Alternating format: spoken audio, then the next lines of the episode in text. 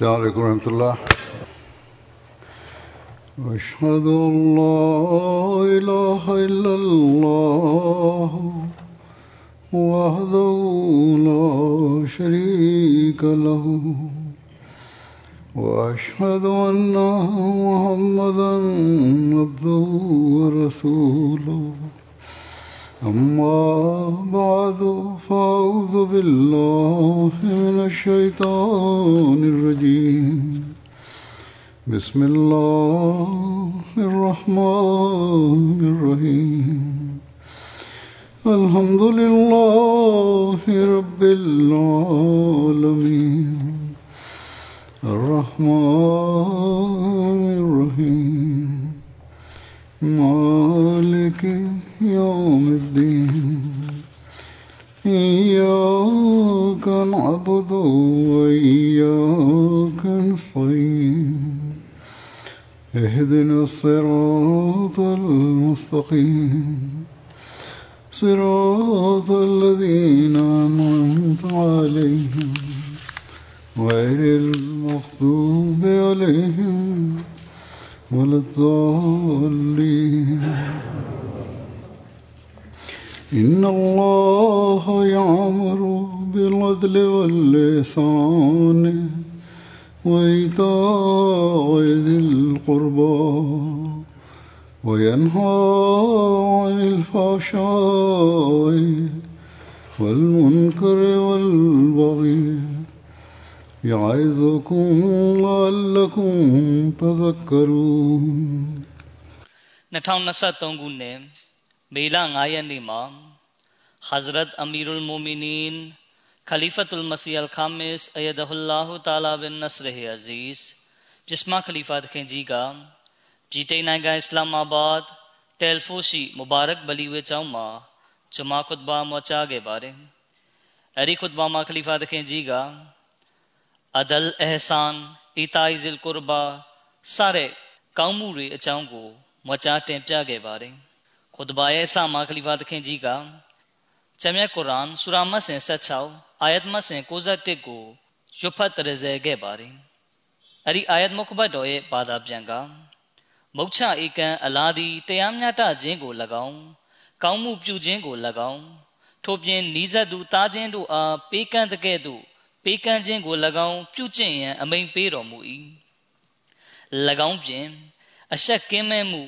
မနစ်မြို့ပွဲကိစ္စများနှင့်ပုံကံခြားနားမှုများမှတားမြစ်တော်မူ၏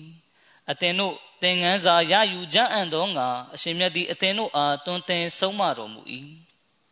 ဒီအာယတ်မုခဘတ်တော်ကိုအပတ်စဉ်ဂျမာနေ့နဲ့အစ်နှစ်ခုရဲ့ခွတ်ဘာဆာနီယာမှာရွတ်ဖတ်လေ့ရှိပါတယ်ဒီမုခဘတ်တော်ထဲမှာအလရှမြတ်ကကျင့်ဆောင်ရမယ့်ကောင်းမှုတွေအကြောင်းကိုစင်ဆိုမိန့်ကြားထားသလိုရှောင်ကျင်ရမယ့်မကောင်းမှုတွေအကြောင်းကိုလည်းမိန့်ကြားဖော်ပြထားပါတယ် မုံမင်းယုံကြည်သူတဦးအနေနဲ့မိမိရဲ့အီမန်ယုံကြည်မှုကိုခိုင်ခန့်ဆွဲမြဲအောင်ပြုလုပ်ဖို့အတွက်အလရှမြတ်ရဲ့အမိန့်တော်တွေနဲ့ဆုံးမဩဝါဒတော်တွေကိုလက်တွေ့လိုက်နာကျင့်သုံးတည်ဆောက်ဖို့လိုအပ်ပါတယ်။ဒါသာလျှင်စစ်မှန်တဲ့မုံမင်းယုံကြည်သူတဦးရဲ့ဂုံပုတ်ပဲဖြစ်ပါတယ်။လက်တွေ့လိုက်နာကျင့်သုံးခြင်းမရှိဘူးဆိုရင်မွတ်စလင်တဦးဟာစစ်မှန်တဲ့မုံမင်းယုံကြည်သူအဆင့်ကိုမရောက်နိုင်ပါဘူး။ဒီအာယတ်မုခဘတ်တော်မှာဖော်ပြထားတဲ့ အဒလ်တရားမျှတခြင်းအဟ်ဆန်စေတနာထားကျေးဇူးပြုခြင်းအီတာအီဇီလ်ကူရဘာနီးစပ်သောတားခြင်းများပမာကောင်းမှုပြုခြင်းစတဲ့ကောင်းမှုအကြောင်းတွေနဲ့ပတ်သက်ပြီးကျမ်းစာအုပ်အသီးသီးမှာရေးသားထားတဲ့မစီမောဦးတလအစ္စလမ်တခင်ရဲ့ရေးသားချက်တွေစကဝိုင်းအသီးသီးမှာမိန့်ကြားခဲ့တဲ့တခင်ကြီးရဲ့မိန့်ကြားချက်တွေကိုကောက်နှုတ်တင်ပြသွားပါမယ်။တခင်ကြီးရဲ့မိန့်ကြားချက်တိုင်းကအကြောင်းအရာတစ်ခုကိုသာဥတီမိန့်ကြားထားတာမှန်ပေမယ့် အဲ့ဒီမိန့်ကြားချက်တွေထဲမှာမတူညီတဲ့ဆုံးမဩဝါဒစကားတွေပါရှိပါတယ်ဒီမိန့်ကြားချက်တွေကကျွန်တော်တို့အနေနဲ့အလရှမြတ်ရဲ့အမိန့်တော်တွေနဲ့အညီဘဝရှောက်လန်းဖို့လမ်းညွှန်လျက်ရှိပါတယ်တခင်ကြီးကဖော်ပြပါအထူးပြုကောင်းမှုတွေကိုလူသားချင်းကြားမှာပြုမှုဆက်ဆံရမယ့်ရှုထောင့်တစ်ခုတည်းကိုသာမိန့်ကြားထားတာမဟုတ်ပဲအဒလ်အဟ်ဆန်အီတိုင်ဇလ်ကူရဘာစတဲ့အဆင့်တွေအဖြစ်အလရှမြတ်နဲ့ဘယ်ပုံဘယ်နည်းအဆက်အသွယ်တိဆောက်ရမလဲ စတဲ့အကြောင်းတွေကိုပါရှင်းလင်းမိန့်ကြားထားပါတယ်။တခင်ကြီးကဒီအကြောင်းအရာရဲ့အသေးစိတ်ရှင်းလင်းချက်တွေကိုဘယ်လိုပြည့်ပြည့်ရှင်းလင်းစွာမိန့်ကြားထားသလဲဆိုရင်ဖဘုရားသခင်အလရှမြတ်နဲ့စစ်မှန်တဲ့ဆက်သွယ်မှုကိုဘယ်ပုံဘယ်နည်းတိဆောက်ရမလဲဆိုတဲ့အတီထူးကိုရရှိသွားစေပါတယ်ဒီလိုအားဖြင့်မုံမင်းယုံကြည်သူအားအီမန်တောက်ဝင်မှုနဲ့ယကင်ယုံကြည်မှုရဲ့ပန်းတိုင်တစ်တွေစီတို့တိုင်ခေါ်ဆောင်သွားပါတယ်မိတို့ဆိုစေ ယခုဖော်ပြပါအကြောင်းအရာတွေနဲ့ဆက်နွယ်ပြီးမစီမောဦးဒလအစ္စလမ်သခင်ရဲ့ရေးသားမိန့်ကြားချက်တချို့ကိုတင်ပြပါမယ်အကယ်၍ဒီမိန့်ကြားချက်တွေကိုအာယုံပြုဆင်ခြင်ပြီးမိမိတို့ဘဝရဲ့အစိတ်ပိုင်းတစ်ခုတစ်ဖွဲဖြစ်လာအောင်ကြိုးစားကြမယ်ဆိုရင်ဘုရားသခင်အလရှမြတ်နဲ့အမှန်တကယ်အဆက်အသွယ်တိဆောက်သူတွေဖြစ်အောင်ပြုလုပ်ပေးနိုင်တယ်လို့လူသားချင်းပြန်လည်တာဝန်တွေဖြည့်ဆည်းခြင်းဘက်သို့လည်းအာယုံဖြစ်ပေါ်စေပါတယ်ဒီလိုအဖြစ်ဘဝတိဆောက်ပုံလမ်းပြမြေပုံတစ်ခုကို ရရှိသွားစေမှာပဲဖြစ်တယ်ဒါရင်မကဟကူကုလာအလရှမြတ်ပေါ်ဖြည့်ဆည်းရမယ့်တာဝန်နဲ့ဟကူကုလ်အီဘာဒ်ဖန်ဆင်းကံလူသားတွေပေါ်ဖြည့်ဆည်းရမယ့်တာဝန်တွေကိုကျင့်သုံးတိဆောက်သောလှပတဲ့လူမှုပေါင်းဝန်းကျင်တရက်ကိုလည်းဖြစ်တည်ပေါ်ပေါက်လာစေပါလိမ့်မယ်ဒီလိုမှသာလျှင်လူပေါင်းဝန်းကျင်နဲ့ကမ္ဘာလောကငြိမ်းချမ်းသာယာရေးအတွက်အာမခံချက်တစ်ခုဖြစ်နိုင်ပါလိမ့်မယ်ဒါပေမဲ့ဝမ်းနည်းစရာကောင်းတာက မွတ်စလင်ဖြစ်စေမွတ်စလင်မဟုတ်သူဖြစ်စေကမ္ဘာလောကရှိလူအများစုဟာလူသားချင်းဖြည့်ဆည်းရမယ့်တာဝန်တွေကိုမေ့လျော့လိုက်ကြပါပြီမွတ်စလင်တွေကအလရှမြတ်ကိုတောက်ဝင်ယုံကြည်ကြောင်းပြောကြပေမယ့်အလရှမြတ်ရဲ့အမီနာမကိုခုတုံးလုပ်ပြီးမတရားလွန်ကျူးမှုတွေကိုပြောင်ပြောင်တင်းတင်းပြုလုပ်နေကြပါတယ်ဒီလိုအခြေအနေမျိုးမှာမစီမောဒလိုင်စလမ်တခင်ကိုလက်ခံယုံကြည်ထားကြတဲ့ကျွန်တော်တို့အနေနဲ့ အလရှမြတ်ရဲ့အမိန့်တော်တွေကိုဥထိပ်ပန်ဆင်မျက်မှောက်ပြုလျက်မိမိတို့ကိုယ်ကိုပြုပြင်တက်မှတ်ကြယုံတာမကကမ္ဘာလောကကိုပြုပြင်တက်မှတ်လာအောင်ကြိုးစားဖို့လည်းမဖြစ်မနေတာဝန်တင်ရှိပါတယ်။ Hazrat Masih Maud al-Islam တခင်မိန့်ကြားတော်မူပါတယ်။ဘုရားသခင်အလရှမြတ်ကအသင်တို့အားမိန့်ဆိုထား၏။အသင်တို့သည်အရှင်မြတ်နှင့်အရှင်ဘန္တာစေတော်များအားတရားမျှတမှုဖြင့်ပြုမှုဆက်ဆံကြကုန်။ဆိုလိုသည်မှာဟကွလ္လာ အရှင်မြတ်ပေါ်ဖြည့်ဆည်းရမည့်တာဝန်နှင့်ဟကွလ်အီဘာဒ်အရှင်းဖန်ဆင်းကံများပေါ်ဖြည့်ဆည်းရမည့်တာဝန်များအားထမ်းဆောင်ကြကုန်အကယ်၍ထိုထက်ပို၍တဆွမ်းနိုင်ပါကအဒလ်တရားမျှတမှုကိုကျင့်သုံးယုံတာမကအဟ်ဆန်စေတနာထားကျေးဇူးပြုကြလေကုန်ဆိုလိုသည်မှာတတ်မှတ်ပြဋ္ဌာန်းထားသောတာဝန်များအပြင်ဖြူစင်စိတ်ထားဖြင့်ဘုရားသခင်အလရှမြတ်အားမြင်တွေ့နေရသည့်အလား အရှင်မြတ်အားခတ်ဝတ်စည်းကပ်မှုပြုကြလေကုန်ဥစွာအရှင်ဖန်ဆင်းကံတွေပေါ်ဖြည့်ဆည်းရမယ့်တာဝန်တွေအကြောင်းကိုဖော်ပြထားတယ်။ဒီနောက်ဘုရားသခင်အလရှမြတ်အားအဘာဒတ်ခောက်ဖို့စည်းကမ်းမှုမှာလည်းအရှင်ကိုမြင်တွေ့နေရသည့်အလားဝိပုတိဆောက်ရမှာဖြစ်ကြောင်းမိန့်ကြားထားပါတယ်။ထို့ပြင်တောင်းဝင်တင်ရှိသည့်ထက်ပိုမိုပြီးလူတို့အားစေတနာထားကျေးဇူးပြုခြင်းဖြင့်ဆက်ဆံကြကုန်။ထိုထပ်ပို၍တဆွမ်းနိုင်ပါက မိသည့်ရည်ရွယ်ချက်လူလားမှုစံနှမြမပါဝင်ပဲဘုရားသခင်အလရှမြတ်အားအဘာဒတ်ခဝတ်စည်းကမ်းမှုပြုကြလျက်အရှင်ဗန္တာအစီတော်များအားအကျိုးပြုကြလေကုန်ပမာဆိုရလျင်နီးစပ်သူသားချင်းများအားကောင်းမှုပြုတကဲ့သို့ဖြစ်၏ခလီဖာသခင်ကြီးမိန့်ကြားပါတယ်ဆိုလိုတာကအလရှမြတ်ကိုအဘာဒတ်ပြုခဝတ်ကိုးကွယ်တဲ့အခါမှာလည်းဘာရည်ရွယ်ချက်ဘာလိုလားမှုစံတမှမပါဝင်ပဲ ခဝတ်ကိုးကွယ်မှုပြုဖို့လိုပါတယ်ရည်ရွယ်ချက်တစ်ခုခုစံနာတစ်ခုခုပြေဝဖို့အတွက်အရှင်းထံတော်သို့တွားရောက်တာမျိုးမဖြစ်ရပါဘူး။ဒါပြင်အလရှမြရဲ့ဖန်ဆင်းကံတွေကိုအကျိုးပြုတဲ့နေရာမှာလဲဘာရည်ရွယ်မျှော်လင့်ချက်များမပါဘဲပြုလုပ်ရမှာဖြစ်တယ်။ဒီနောက်ဖော်ပြပါအာရဲ့မုခဘတ်တော်တွေနဲ့အညီအလရှမြပေါ်ပြုရမယ့်တာဝန်တွေကိုခြေပွန်ဖို့လိုအပ်ကြောင်းဖန်ဆင်းကံလူသားတွေပေါ်ပြုရမယ့်တာဝန်တွေကိုလည်းခြေပွန်ဖို့လိုအပ်ကြောင်းနဲ့ဆက်နွယ်ပြီး မစီမောဦးဒလိုင်စလမ်တခင်ကထတ်တိုးမိန့်ကြားတော်မူပါတယ်။ပထမတာဝန်အရဤမုခဘတ်တော်ဤအတိတ်ပဲမှာအသင်တို့သည်မိမိတို့၏ဖန်ဆင်းရှင်အားနာခံခြင်း၌အဒလ်တရားမျှတမှုနီလန်းကိုကျင့်သုံးကြလေကုန်ဇွာလင်မတရားပြုသူများမဖြစ်ကြကုန်လင်အမြဲတမ်းဒီချက်ကိုသတိပြုဖို့လိုအပ်သလိုအလရှမြတ်ကိုနာခံခြင်း၌အမြဲတမ်းတရားမျှတမှုနီလန်းကိုကျင့်သုံးတိဆောက်ဖို့လိုအပ်ပါတယ်စင်စစ်အားဖြင့် အရှင်မြတ်မှတပါကိုးကွယ်စည်းကပ်ခြင်းခံထိုက်သူအခြားမိသူများမရှိချစ်ချင်းခံထိုက်သူမရှိယုံကြည်ကိုးစားခြင်းခံထိုက်သူမရှိချေအကြောင်းမူဖန်ဆင်းမှုတည်တံ့မြဲမြံစေမှုပြုစုပြိုးထောင်မှုအားလျော်စွာ အလုံးစုံသောရပိုင်ခွင့်တို့သည် အရှင်မြတ်အဖို့သာလင်ဖြစ်၏ခလီဖာသခင်ကြီးမိန့်ကြားပါတယ်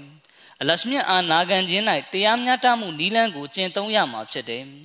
အရှင်မြတ်ကိုဘာကြောင့်နာခံရသလဲဆိုရင်အရှင်မြတ်ကကျွန်တော်တို့ကိုဖန်ဆင်းတဲ့အရှင်ကိုတော်တိုင်တည်တံ့တော်မူပြီးအခြားရာများကိုတည်တံ့စေတော်မူသောအရှင်ဖြစ်တော်မူတာကြောင့်ပါပဲဖန်ဆင်းပြုစုပြိုးထောင်ခြင်းဂုဏ်တော်ဟာအလရှမြတ်လက်တော်ပဲရှိပါတယ်အရှင်မြတ်ဟာဖန်ဆင်းရှင်ဖြစ်တော်မူသလို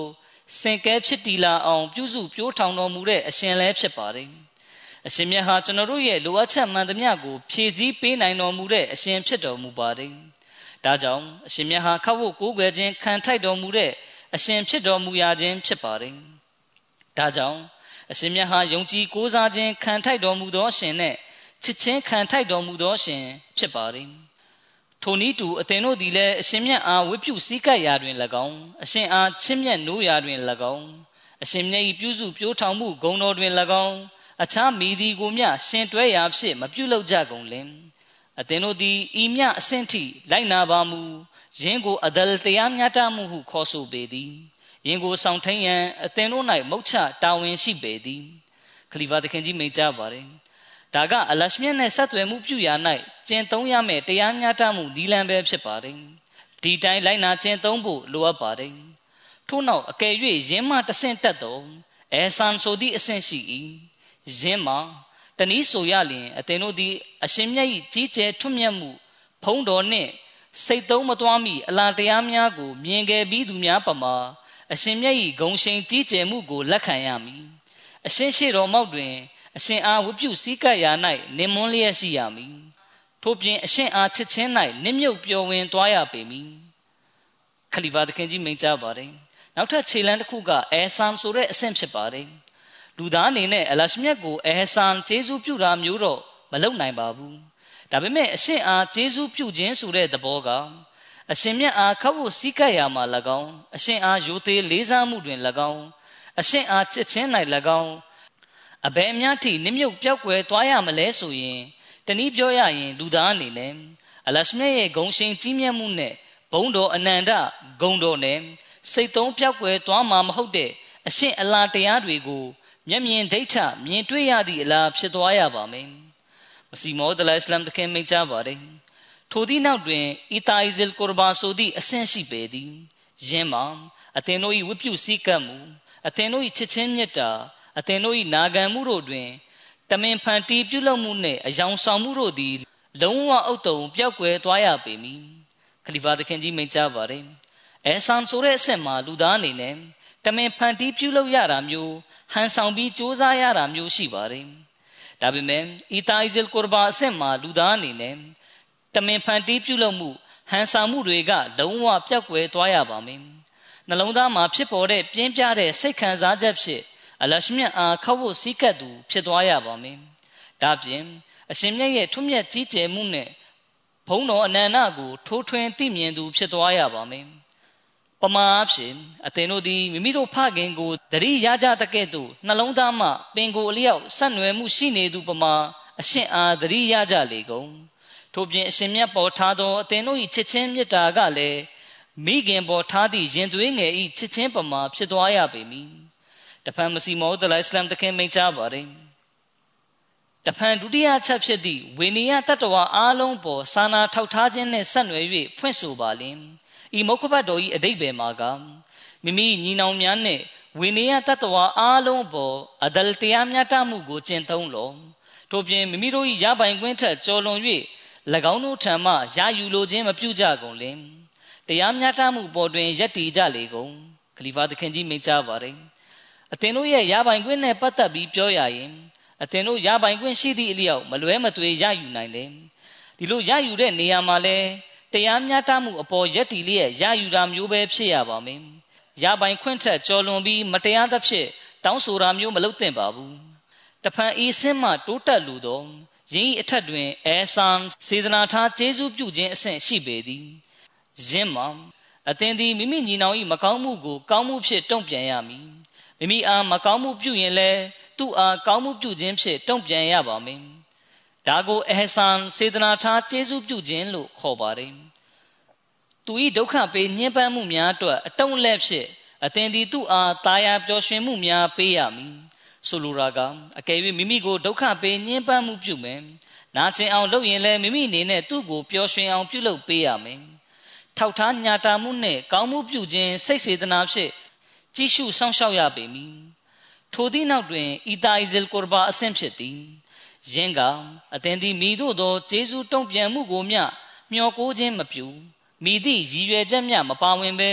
ပင်ကိုတဘာဝအလျောက်မိမိညီနောင်ပေါ်ကောင်းမှုပြုရမည်ဝိနည်းတတ္တဝအားလုံးပေါ်ကောင်းကျိုးတက်ရောက်စေရမည်ခလီဖာသခင်ကြီးမိန့်ကြားပါတယ်ဆိုလိုတာကပင်ကိုစိတ်ထားလျောက်မိမိညီနောင်ပေါ်ကောင်းမှုပြုတာမျိုးဝိနည်းတတ္တဝအားလုံးပေါ်ကောင်းကျိုးပြုတာမျိုးဖြစ်ပါတယ် ပမာအဖြစ်တွေးသားအလွန်နီးစပ်မှုကြောင့်ဖြစ်ပေါ်လာသည့်စိတ်အားတို့ဖြင့်ဆွေမျိုးသားချင်းများတွင် အပြန်အလှန်ကောင်းမှုပြုတကဲ့သို့ဖြစ်၏ဘယ်လိုရည်ရွယ်မျှော်လင့်ချက်တစုံတရာမျှမပါဝင်ဘဲပင်ကိုစိတ်တဘာဝအရာကောင်းမှုပြုခြင်းဖြစ်ပါတယ်တို့ဖြစ်ရာဤသည်ကိုချင်းတရားဆိုင်ရာတိုးတက်မှု၏နောက်ဆုံးအဆင့်ဖြစ်ပေသည်ဖန်ဆင်းကံလူသားတို့အပေါ်စာနာထောက်ထားခြင်း၌မိတို့သောစိတ်အလိုဆန္ဒရည်ရွယ်ချက်များကြားမခံရကြထိုမြမက ညီရင်ကိုပမာလူသားချင်းနှီးစပ်မှုဆိုင်ရာစိတ်အားပြင်းပြမှုတို့သည်ဤသို့မြင်မာသောအဆင့်ဖြင့်ဖွံ့ဖြိုးတိုးတက်လာသည့်အခါမိတို့သောဟန်ဆောင်ပြစားမှုရည်ရွယ်ချက်များမပါရှိစေဘဲမိတို့သောဂျေဇုတင်ခြင်းကိုသော၎င်းဆူတောင်းမှုကိုသော၎င်းထို့ပြင်အခြားမိတို့သောတုံ့ပြန်မှုကိုမျှမမျော်ကိုပဲပင်ကိုယ်တဘာဝစိတ်၏စေစုံမှုဖြင့်ပေါ်ပေါက်လာသော ကောင်းမှုဖြစ်ရပေမည်ခရီးဝါသခင်ကြီးမိန့်ကြားပါတယ် မိမိကိုတစ်ဖက်သူကကျေးဇူးတင်စကားပြောလာမှာမိမိတို့ဒဝါဆူတောင်းပေးမှာစသဖြင့်ဘယ်သူထံကမှအတိမတ်ပြုမှုကိုလိုလားခြင်းမရှိပဲပြုလုပ်တဲ့ကောင်းမှုမျိုးဖြစ်ရပါမယ်ဒါတင်မကနိဇသူတားခြင်းပမာသဘောထားလျက်ဖြူစင်စိတ်ထားဖြင့်ပြုလုပ်တဲ့ကောင်းမှုမျိုးဖြစ်ရပါမယ်ဒီလိုကိုကျင်တရားဆိုင်ရာပြုမှုဆက်ဆံမှုစံနမူနာကိုဥစွာကျွန်တော်တို့အချင်းချင်းကြားမှာကျင့်သုံးတည်ဆောက်ရပါမယ်အဲ့ဒီကတဆင့်စာနာထောက်ထားမှုနယ်ပယ်ကို အခြားသူတွေအတွက်လည်းဖြန့်ကျက်ရပါမယ်ဒီနောက်ဟကုကုလာလရှမြတ်ပေါ်ဖြည့်စည်းရမယ်တာဝန်ဝတရားတွေနဲ့ဆက်နွယ်ပြီးထပ်တိုးမိန့်ကြားတော်မူပါတယ်အလရှမြတ်ပေါ်ဖြည့်စည်းရမည့်တာဝန်များဆိုင်ရာရှုထောင့်အရာဤအာယတ်မုခဘတ်တော်၏အဓိပ္ပာယ်မှာတရားမျှတမှုကိုလက်ကင်ပြုကျင့်သုံးခြင်းဖြင့်ဘုရားသခင်အလရှမြတ်အားနာခံတမှုပြုကြကုန်အကြောင်းမူထိုးရှင်သည်ယခင်ကအသင်တို့အားဖန်ဆင်းတော်မူပြီးပြုစုပြိုးထောင်တော်မူခဲ့သလို အချိန်တိုင်းပြုစုပြိုးထောင်လျက်ရှိသောကြောင့်ပင်သည်တို့ဖြစ်သောကြောင့်အသင်တို့နေဖြင့်ထိုရှင်အားနာခံတမှုပြုထိုက်ပေသည်ခလီဖာသခင်ကြီးမိန့်ကြားပါတယ်အလရှမြတ်ကအသင်တို့ကိုဖန်ဆင်းတော်မူလျက်ပြုစုပြိုးထောင်ပေးခဲ့တယ်ဆက်လက်ပြီးတော့လည်းအသင်တို့အားပြုစုပြိုးထောင်ဖို့အကြောင်းကံနီလန်းတွေကိုစီမံပေးတော်မူလျက်ရှိတယ်ဒါကြောင့်အသင်တို့အနေနဲ့အလရှမြတ်အားနာခံတမှုပြုရန်တာဝန်တင်ရှိသွားပါတယ် တဖန်သင်တို့သည်ထိုထပ်ပို၍ထိုးထွင်းသိမြင်မှုရှိပါကတာဝန်ရှိသည့်အတွက်နာခံတမှုပြုခြင်းသာမကအဲဆန်ကျေးဇူးတည်သောအဖြစ်အရှင်အားနာခံတမှုပြုကြကုန်ပထမဆင့်ကအဒလတရားမျှတမှုအဆင့်ဖြစ်ပါတယ်ဘုရားသခင်ကလူသားကိုဖန်ဆင်းတော်မူပြီးလိုအပ်ချက်တွေကိုဖြည့်ဆည်းပေးတော်မူခဲ့တယ်ဒီအတွက်မိမိတို့အနေနဲ့အရှင်ကိုနာခံတမှုပြုဖို့လိုတယ်ဆိုတဲ့အတွေးမျိုးဖြစ်ပါတယ် တဖန်ဒုတိယခြေလမ်းဖြစ်တဲ့အဲဆန်အဆင့်အားဖြင့်လည်းအရှင်ကိုနာခံတမှုပြုရပါမယ်အကြောင်းမူရှင်မြတ်သည်အလွန်တရာကျေးဇူးပြုတော်မူသောအရှင်ဖြစ်သောကြောင့်ပင်အရှင်မြတ်၏ကျေးဇူးတော်သည်မိမြများပြားကျဲပြောလာသည်နည်းဟုမူရေတွက်၍ပင်ကုံနိုင်မည်မဟုတ်ချေအရှင်ကိုကျေးဇူးတည်တတ်တဲ့အမှုကျင့်ကိုမွေးမြူကြပါဒီနောက်အရှင်ကျေးဇူးတော်ကိုအောက်မေ့သတိရတဲ့အနေနဲ့အရှင်အားနာခံတမှုပြုကြပါ ဒါသာလျှင်အဟဆန်ဆိုတဲ့ဂုံစင်ပဲဖြစ်ပါတယ်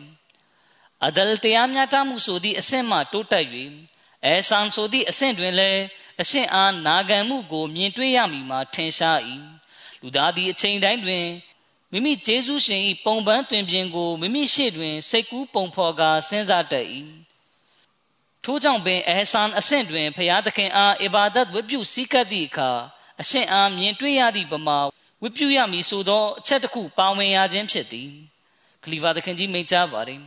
အဲဆန်ဆူရာဘာကိုခေါ်ဆိုတာပါလဲလူသားအနေနဲ့အလရှမြတ်ကိုကျေးဇူးပြုလို့တော့မရပါဘူးအလရှမြတ်ရဲ့ကျေးဇူးကိုသတိရခြင်းကလူသားကိုကျေးဇူးတည်သူအဖြစ်ပြုလုပ်ပေးပါတယ်အလရှမြတ်ရဲ့ကျေးဇူးတွေကိုသတိရဖို့အတွက်သခင်ကြီးကနီလန်တစ်ခုကိုမိန့်ကြားခဲ့ပါတယ်အဲ့ဒါကအသင်တို့ပေါ်ကျေးဇူးပြုသူရဲ့ပုံပန်းတွင်ပြင်ထူးခြားချက်တွေကအသင်တို့ရှေ့မှောက်ပေါ်လာလိမ့်မယ် ဒဒီအတွင်ပြင်ကအသင်တို့မျက်စိရှေ့မှောက်ပေါ်လာတဲ့အခါအသင်ဟာအဲ့ဒီလူနဲ့နှလုံးသားထဲကနတ်ဆိုင်နဲ့ဆက်သွယ်မှုတစ်ခုပေါက်ဖွားလာပါတော့တယ်ဒီတိုင်းပဲအသင်တို့ဟာလာရှမြတ်နဲ့နတ်ဆိုင်နဲ့ဆက်သွယ်မှုတည်းရဲ့ဖြစ်တည်လာပြီဆိုရင်အသင်တို့ဟာအရှင့်ကိုဖြူစင်စိတ်နှလုံးဖြစ်အဘာဒတ်ခဖို့စည်းကပ်မှုပြုလာလိမ့်မယ်အဲ့ဒီလိုအဘာဒတ်ဝပြုစည်းကပ်မှုပြုလုပ်တဲ့နေရာမှာလဲဖျားသခင်အလရှမြတ်အားမြင်တွေ့နေရသည့်အလားဝပြုတာမျိုးဖြစ်လာပါတယ် မစီမောဒလအစ္စလမ်တခင်မိန့်ကြားပါတယ်စင်စင်ဘုရားသခင်အလရှမြတ်အားအဘာဒတ်ဝပြုစည်းကပ်သူ၃မျိုးရှိပေသည်ပထမအမျိုးအစားလူမာကအမြင်အာယုံတွင် အဖုံးကာရှိ၍အကြောင်းကံရုပ်ဝတ္ထုပစ္စည်းများကိုသာယုံကြည်အားထားနေသောကြောင့်ဘုရားသခင်အလရှမြတ်၏ကျေးဇူးပြုမှုကိုအပြည့်အဝပိုင်းခြားသိမြင်နိုင်စွမ်းမရှိသူများဖြစ်သည်ဆိုလိုတာကအမြင်အာယုံမှာအဖုံးကာရှိနေတာကြောင့်ဒါမှမဟုတ် အကြောင်းကံရုပ်ဝတ္ထုတွေကိုလိုအပ်တာထက်ပိုမိုပြီးယုံကြည်အားထားနေတာကြောင့်အလရှမြတ်ရဲ့ကျေးဇူးတရားတွေကိုမှန်ကန်စွာနားလည်မသိရှိနိုင်ခြင်းဖြစ်ပါတယ်။ထို့ကြောင့်ကျေးဇူးရှင်၏ထူးကဲမြင့်မြတ်မှုအကြောင်းကို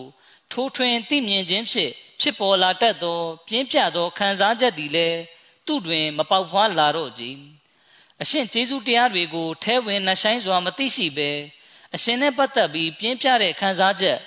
ဘယ်လိုလုပ်ဖြစ်ပေါ်လာနိုင်ပါမလဲ။ထို့ပြင်ဂျေဇုရှင်၏ကြီးကျယ်မြတ်မားလာသောပေးကမ်းချီးမြှင့်မှုနှင့်ဂျေဇုပြုမှုများကိုမြင်အောင်ခံစားကြည့်ခြင်းအဖြစ်လှုပ်ရှားဖြစ်တည်လာသောချစ်ချင်းမေတ္တာကလည်းသူ့ထံတွင် မပေါက်ဖွားလာနိုင်ပေခလီဖာသခင်ကြီးမိန့်ကြားပါတယ်အလရှမြတ်ဟာဂုံတော်ပေါင်းနဲ့ပြည့်စုံတော်မူတဲ့အရှင်ဖြစ်တယ်ဆိုတာအမှန်တကယ်စိတ်ကူးပုံဖော်စဉ်းစားနိုင်ခြင်းမရှိပဲအရှင်ရဲ့တွင်ပြင်ကိုမျက်စိရှိပေါ်လာမှာမဟုတ်သလို အရှင်ဂျေဇုပြုမှုတွေကိုသိမြင်ခံစားနားလည်နိုင်စွမ်းပင် ရှိမှာမဟုတ်ပါဘူးဒါရင်မကအရှင်မြတ်ဤဖန်ဆင်းပြိုးထောင်မှုနဲ့ဆက်လင်းပြီးစဉ်းစားနိုင်စွမ်းလည်းရှိမှာမဟုတ်ဘူးဒီတော့အရှင်မြတ်နဲ့ဆက်နွယ်ပြီးပြင်းပြတဲ့ခံစားချက်ဆိုတာလဲသူ့စီမှာဖြစ်ပေါ်မလာနိုင်ပါဘူးမစီမောဒလအစ္စလမ်တခင်မိန့်ကြားပါတယ်ထို့ပြင်ဂျေဇုရှင်ဤကြီးကျယ်မြတ်မားလာသောပေးကမ်းချီးမြှင့်မှုကိုစိတ်ကူးပုံဖော်ခြင်းအဖြစ်လှုပ်ရှားဖြစ်တည်လာသော ချစ်ချင်းတရားကလည်းသူ့ထံတွင် ပေါက်ဖွားမလာနိုင်ပြီဆိုလိုတာကယေရှုရှင်ရဲ့ပေးကမ်းချီးမြှင့်မှုကိုစိတ်ကူးပုံဖော်လျက်ထိုရှင်နဲ့ပတ်သက်ပြီးနှလုံးသားထဲကနေလှိုက်လဲတဲ့ခံစားချက်ဖြစ်ပေါ်မလာနိုင်ပါဘူးအမှန်မှာဘုရားသခင်အလရှမြတ်ပေါ်ဖြည့်စည်းရမည့်တာဝန်ဝတ္တရားများနဲ့အရှင်မြတ်သည်ဖန်ဆင်းရှင်ဖြစ်တော်မူခြင်းစသည်တို့အားရေဘူးရအမြင်ဖြင့်လက်ခံခြင်းမျှသာဖြစ်သည် ပထမအမျိုးအစားလူကရေဘူးရသဘောဖြင့်ဘုရားသခင်အလရှမြတ်ကိုဖန်ဆင်းရှင်ဖြစ်ကြောင်းလက်ခံခြင်းသာဖြစ်ပါတယ်ဘုရားသခင်ဟာငါတို့ရဲ့ဖန်ဆင်းရှင်ဖြစ်တယ်အရှင်မြတ်ကငါတို့ကိုဖန်ဆင်းထားတယ်ဆိုတာလောက်ကိုပဲသဘောပေါက်နားလည်ပြီးအရှင်မြတ်ရဲ့ဖန်ဆင်းမှုကိုနက်နက်နဲနဲသိနာလည်ခြင်းတော့မရှိပါဘူးဘုရားသခင်အလာရှင်မြတ်၏တိမ်မွေ့သောကျေးဇူးပြုမှုများကိုနက်နဲထိုးထွင်းသောအမြင်ဖြင့်ရှုမြင်ခြင်းအဖြစ်စစ်မှန်သောကျေးဇူးတော်ရှင် ဘုရားသခင်၏အတွင်တရံကမျက်စိရှိပေါ်လွင်ထင်ရှားလာတတ်ပေသည်သို့တော်သူသည်ထိုသို့သောမြင်နိုင်စွမ်းကိုမရရှိကြဆိုလိုတာကအလရှမြတ်ရဲ့ဂျေဇုပြုမှုတွေကိုထဲထဲဝင်ဝင်စဉ်းစားဆင်ခြင်ခြင်းမပြုသလိုဖန်ဆင်းရှင်ဖျားသခင်ကမိမိထံကဘာကိုလိုလားတော်မူသလဲဆိုတာကိုလည်းအမှန်တကယ်နားလည်အောင်မပြုလုပ်ပါဘူးအကြောင်းမူအကြောင်းကံရုပ်ဝတ္ထုပစ္စည်းများအားကိုးကွယ်ခြင်းမိသော အမိုက်တရိုက်အညစ်အကြေးက အမှန်တကယ်တရိယာတတအပ်သောဖန်ဆင်းရှင်ဖျားသခင်၏မျက်နှာတော်အားမမြင်နိုင်အောင် ကာစီးထားလိုက်သောကြောင့်ပင်ဖြစ်သည်လောကီကသူ့ရဲ့အမြင်အာယုံမှာအကာစီးတစ်ခုလိုစိုးမိုးထားတာကြောင့်သူဟာဘုရားသခင်ရဲ့မျက်နှာတော်အစစ်မှန်ကို မမြင်တွေ့ရခြင်းဖြစ်ပါတယ်ထို့ကြောင့်သူသည်ပလဲယရနာ၏အလားတရားကို အထင်ရှားမြင်ရသလိုအရှင်မြတ်၏ပဂရိအလားတရားကို ရှင်းလင်းပြတ်သားစွာမမြင်နိုင်ရခြင်းဖြစ်သည် မိမိအာမန်တကယ်ပေးကမ်းချီးမြှင့်တော်မူတဲ့အရှင်ရဲ့အလားတရားကိုမြင်နိုင်စွမ်းသူ့မှာမရှိပါဘူးလောကီကြောင်းကံများပေါ်အလွန်မင်းယုံကြည်အားထားခြင်းအငြိကျေးကြောင့်သူသည်ဖျားသခင်နှင့်ပတ်သက်၍မပြေဝသောချွင်းချက်ရှိသောအသည့်ကိုသာရရှိခဲ့ခြင်းဖြစ်သည်ခလီဖာသခင်ကြီးမိန့်ကြားပါတယ်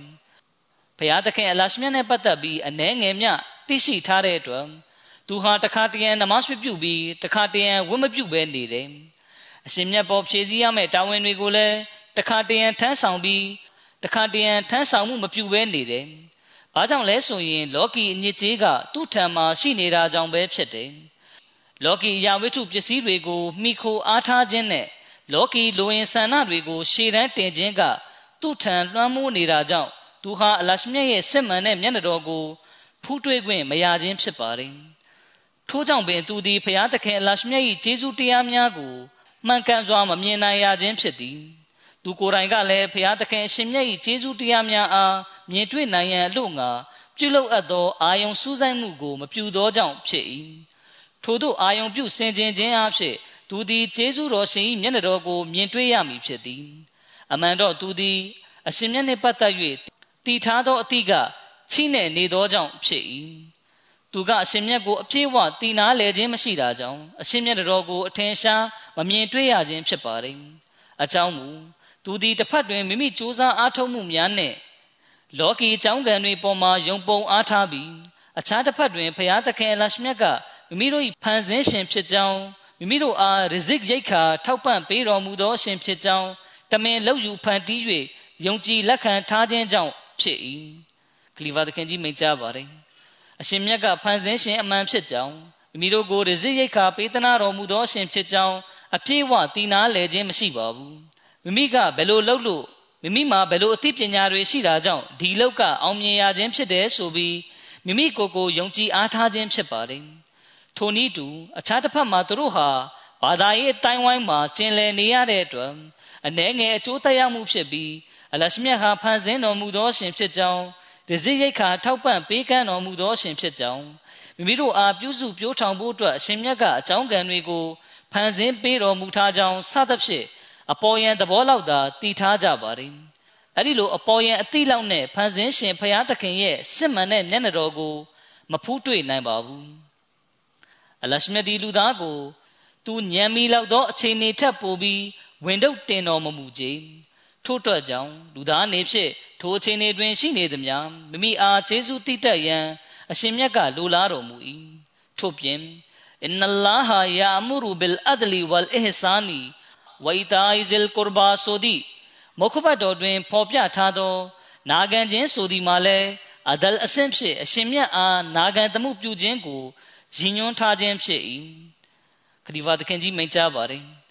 အလရှမြတ်ရဲ့ရာဟမာနီယတ်ဂယုနာတော်ဟာ ဒီနေရာမှာလဲလှုပ်ရှားကွန်မြူလျက်ရှိပါတယ်အရှင်မြတ်ဟာမိမိကိုအပြည့်အဝနားလည်သိရှိခြင်းမရှိသူတွေကိုလည်းဂယုဏဖြင့်ဆက်ဆံတော်မူပါတယ်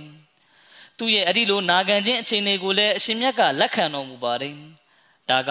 အဒလတရားများတခြင်းဆိုတဲ့အဆင့်ဖြစ်ပြီးအခြေခံကြတဲ့အဆင့်တစ်ခုလည်းဖြစ်ပါတယ်ဒီအဆင့်ကမွတ်စလင်တဦးအနေနဲ့အလရှမြတ်ကိုတည်နာလဲခြင်းနဲ့ပတ်သက်ပြီးအနေဆုံးအဆင့်ဖြစ်ပါတယ်တခင်ကြီးမိန့်ကြားတော်မူပါတယ်သို့တော့ လူသားအနေဖြင့်ထိုမှတဆင့်တက်၍ဘုရားသခင်အလာရှင်မြတ်အားသိမြင်နားလည်ခြင်းအခြေအနေမှာကကျွန်ုပ်အထက်တွင်တင်ပြခဲ့သလိုပင် လူသားသည်လောကီအကြောင်းကံများကိုယုံပုံအားထားခြင်းအခြေအနေမှလုံးဝဥတုံလွတ်မြောက်လျက်ဘုရားသခင်အလာရှင်မြတ်၏ဖဇလ်ကောင်းကြီးမင်္ဂလာနှင့်အဲဆန်ကျေးဇူးပြုတော်မူခြင်းလက်တော်ကိုဖူးတွေ့လာခြင်းအခြေအနေဖြစ်သည်ဆိုလိုတာကလူသားဟာလောကီအကြောင်းကံတွေကိုမှီခိုအားထားခြင်းမပြုတော့ဘဲ အလရှမြတ်ရဲ့ဂျေဇုတော်တွေကိုမြင်လာပါတော့တယ်ပြောရရင်လူသားဟာနောက်ထပ်ခြေလမ်းတစ်ခုကိုလှမ်းလိုက်ခြင်းဖြစ်ပါတယ်အဲ့ဒီအချိန်မှာရှင်မြတ်ကိုအပြည့်အဝတည်နာလဲလာပါတော့တယ်ဆိုလိုတာကအရှင်မြတ်ကိုတည်ခြင်းအသိပညာကိုရရှိလာပါတော့တယ်ထိုအဆင့်တွင် လူသားသည် လောကီအကြောင်းကံမိသော အဖုံးကာမတည်သံဖြစ်ကာလွတ်မြောက်သွားတော်သည် လောကီကြောင်းကံရုပ်ဝတ္ထုပေါ်မှာသာ မိခိုအားထားခြင်းမပြုတော့ဘဲအလရှမြတ်ပေါ်အပြည့်ဝယုံကြည်အားထားလာပါတော့တယ်ဥပမာမိမိရေလောင်းပေါင်းတင်ပြုမှုကြောင့်ဤဆိုင်ခင်းရှင်တန်လာခြင်းဖြစ်သည်မိမိအေဘာဒတ်ပြုမှုကြောင့်ဤသို့အောင်မြင်လာရခြင်းဖြစ်သည် မောင်မြ၏ကျေးဇူးကြောင့်မိမိ၏ဘယ်ရည်ရွယ်ချက်အောင်မြင်ခဲ့ရသည်ဥလာ၏အတိပေးမှုကြောင့်ကျွန်ုပ်ပျက်စီးခြင်းမှလွတ်မြောက်ခဲ့ခြင်းဖြစ်သည်စသည့်အတွေးမှာအချီးနှီးနှင့်အတိတ်ပဲမဲ့သောစကားများပင်ဖြစ်သည် မိမိမိသည့်အလားတရားစ조사အားထုတ်မှုအပေါ်တွင်မျှအပြည့်အဝယုံကြည်ကိုးစားခြင်းမဖြစ်သင့်သလိုအခြားသူတဦး၏အကူအညီနှင့်အကျိုးပြုမှုအပေါ်ယုံကြည်ကိုးစားခြင်းလည်းမဖြစ်သင့်ကြဒီအရာတွေဟာပြောပလောက်တဲ့အားထားရာတွေမဟုတ်ပါဘူးထို့ပြင်ထိုအဆင့်အခြေအနေတွင် လူသားသည်ဖန်ဆင်းရှင်တပါးတကိုးတော်တစ်ခုကျေးဇူးရှင်တပါးနှင့်လက်တော်တစုံကိုသာလျှင်မြင်အောင်၏ထိုရောခါတွင် လောကီဆိုင်ရာရှရစ်မီသော အညစ်ကြေးအနှဲငယ်မြရောဆွတ်မပါဝင်ပဲဘုရားသခင်အလရှိမြတ်၏ကျေးဇူးပြုမှုများကို ရှင်းလင်းပြတ်သားစွာ မြင်တွေ့လာပေတော့သည်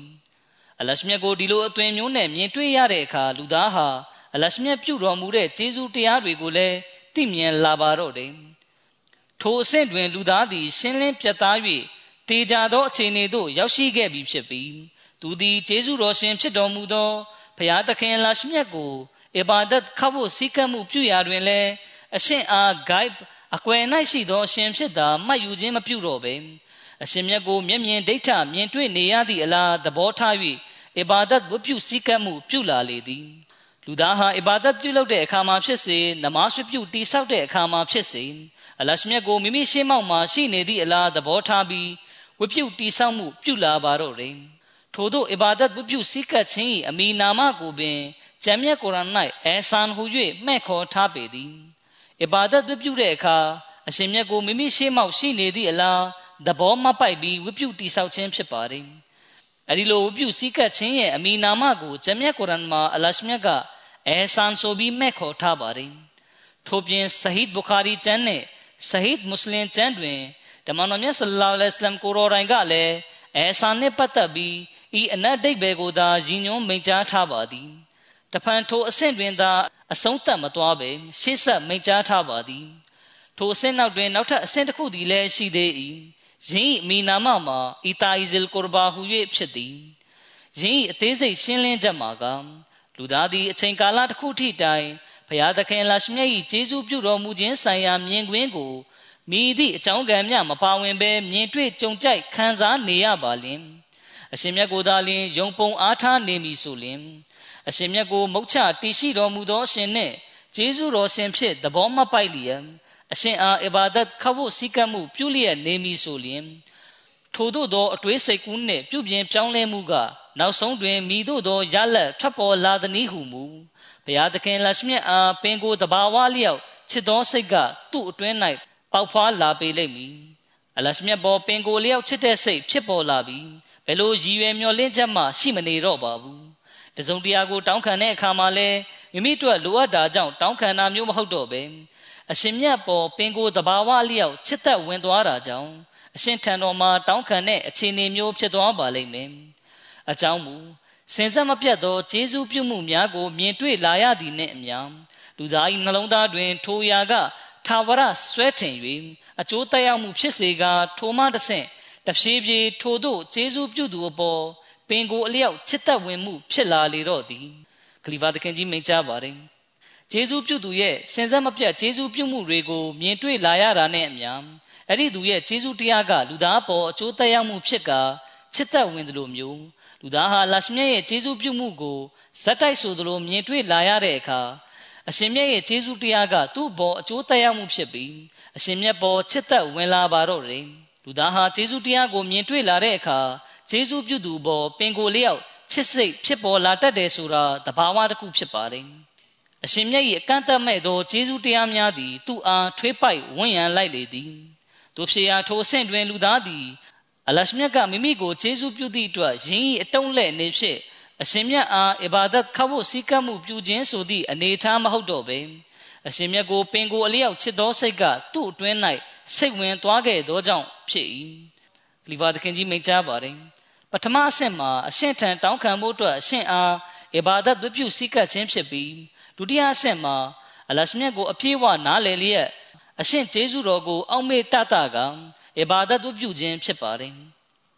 တဖန်တတိယအဆင့်ကဒုတိယအဆင့်ထက်ပိုမိုမြင့်မားပြီးအဆင့်ထံမှာတစုံတရာတောင်းခံဖို့အတွက်အဘာဒတ်ဝိပုစည်းကပ်ခြင်းပြုလုပ်တာမဟုတ်တော့ပဲအရှင်မြတ်ကိုပင်ကိုတဘာဝချစ်စိတ်ကြောင့်တရိယာတတတာမျိုး အရှင်ကိုအဘာဒတ်ဝိပုစည်းကပ်တာမျိုးဖြစ်သွားပါတော့တယ်ပမာအားဖြင့်မိခင်ကရင်သွေးကိုပင်ကိုတဘာဝလျောက်ချစ်ချင်းမျိုးဖြစ်သည်တို့ဖြစ်ရာထိုအဆင့်တွင်အဘာဒတ်ဝိပုသည့်အခါအရှင်မြတ်ကိုမြင်တွေ့နေရသည့်အလားဝိပုခြင်းသာမဟုတ်တော့ပဲအရှင်မြတ်ကိုမြင်တွေ့ရလျက်အလွန်ရင့်ချက်သူတဦးပမာရင်းမှစီးစိမ်ရတာကိုလည်းခံစားတတ်လာ၏ထို့ပြင်အလုံးစုံသောလိုချင်တတ်မှတ်စိတ်သည်ခြုံငိမ့်သွားလျက် ပင်ကိုတဘာဝလျောက်ချစ်စိတ်ကသူ့တွင်း၌ဖြစ်တည်ပေါ်ပေါက်လာလေသည်ထိုအဆင့်အခြေအနေကိုအလရှမြတ်ကအီတာအီဇလ်ကူရဘာဆိုသည့်စကားလုံးဖြင့်တင်စားသုံးနှုန်းထားခြင်းဖြစ်သည်ထိုသည့်အကြောင်းအရာဘတ်တို့ပင်ရည်ညွှန်းလျက်အရှင်မြတ်ကအောက်ပါမုခဘတ်တော်တွင်ဤသို့မိန့်ကြားတော်မူရခြင်းဖြစ်၏ဖဇ်ကူရုလ္လာဟာကဇစ်ကရီကွမ်အာဘာအကွမ်အောအရှဒ်ဒါဇစ်ကရာမိမိတို့၏အဘဘိုးဘေးတို့အားသတိရကြတဲ့ကဲ့သို့အလာအားဇစ်ကရပြုသတိရတတကြကုန် ထိုမြမကထိုထပ်ပင်ပုံမူ၍ပြင်းပြစွာအရှင်မြတ်အားသတိရတတကြကုန်ဂျမြတ်ကုရ်အာန်နှင့်ချိုး200ဒါကြောင့်ဒီဆင့်ကအလရှမြတ်ကိုဖြူစင်စိတ်နှလုံးဖြင့်ချစ်ချင်းဆိုင်ရာအစဉ်ပဲဖြစ်ပါတယ်တဖန်တခင်ကြီးမိန့်ကြားတော်မူပါတယ်အချုပ်ဆိုရသောအင်နလာဟာယာမူရူဘီလ်အဒလီဝလ်အဟ်ဆာနီဝအီတာဇီလ်ကူရဘာဆိုသည့်အာယတ်မုခဘတ်တော်တွင်အလရှမြတ်ကလူသား၏အသိပညာအဆင့်30ကိုဖော်ပြထားခြင်းဖြစ်သည် တတိယအဆင့်ကိုပင်ကိုယ်တဘာဝချစ်ချင်းဟု၍မှဲ့ခေါ်ထားပေသည်ထိုအဆင့်တွင်လူသား၏စိတ်လိုယမမှန်သမျှလောင်ကျွမ်းပြာကျသွားပြီးရေမွေးဖြစ်ပြင်းနှလျက်ရှိသောဖန်ပလင်းကဲ့သို့အရှင်မြတ်အားချစ်ချင်းဖြင့်အရှင်မြတ်အားချစ်ချင်းဖြင့်ပြေလွှမ်းသွားလေ၏ထိုအဆင့်အခြေအနေဘတ်သို့ရည်ညွှန်းလျက်ဂျမ်းမြတ်ကုရ်အန်တွင်ဤသို့လာရှိ၏ဝမီနန်နာစီ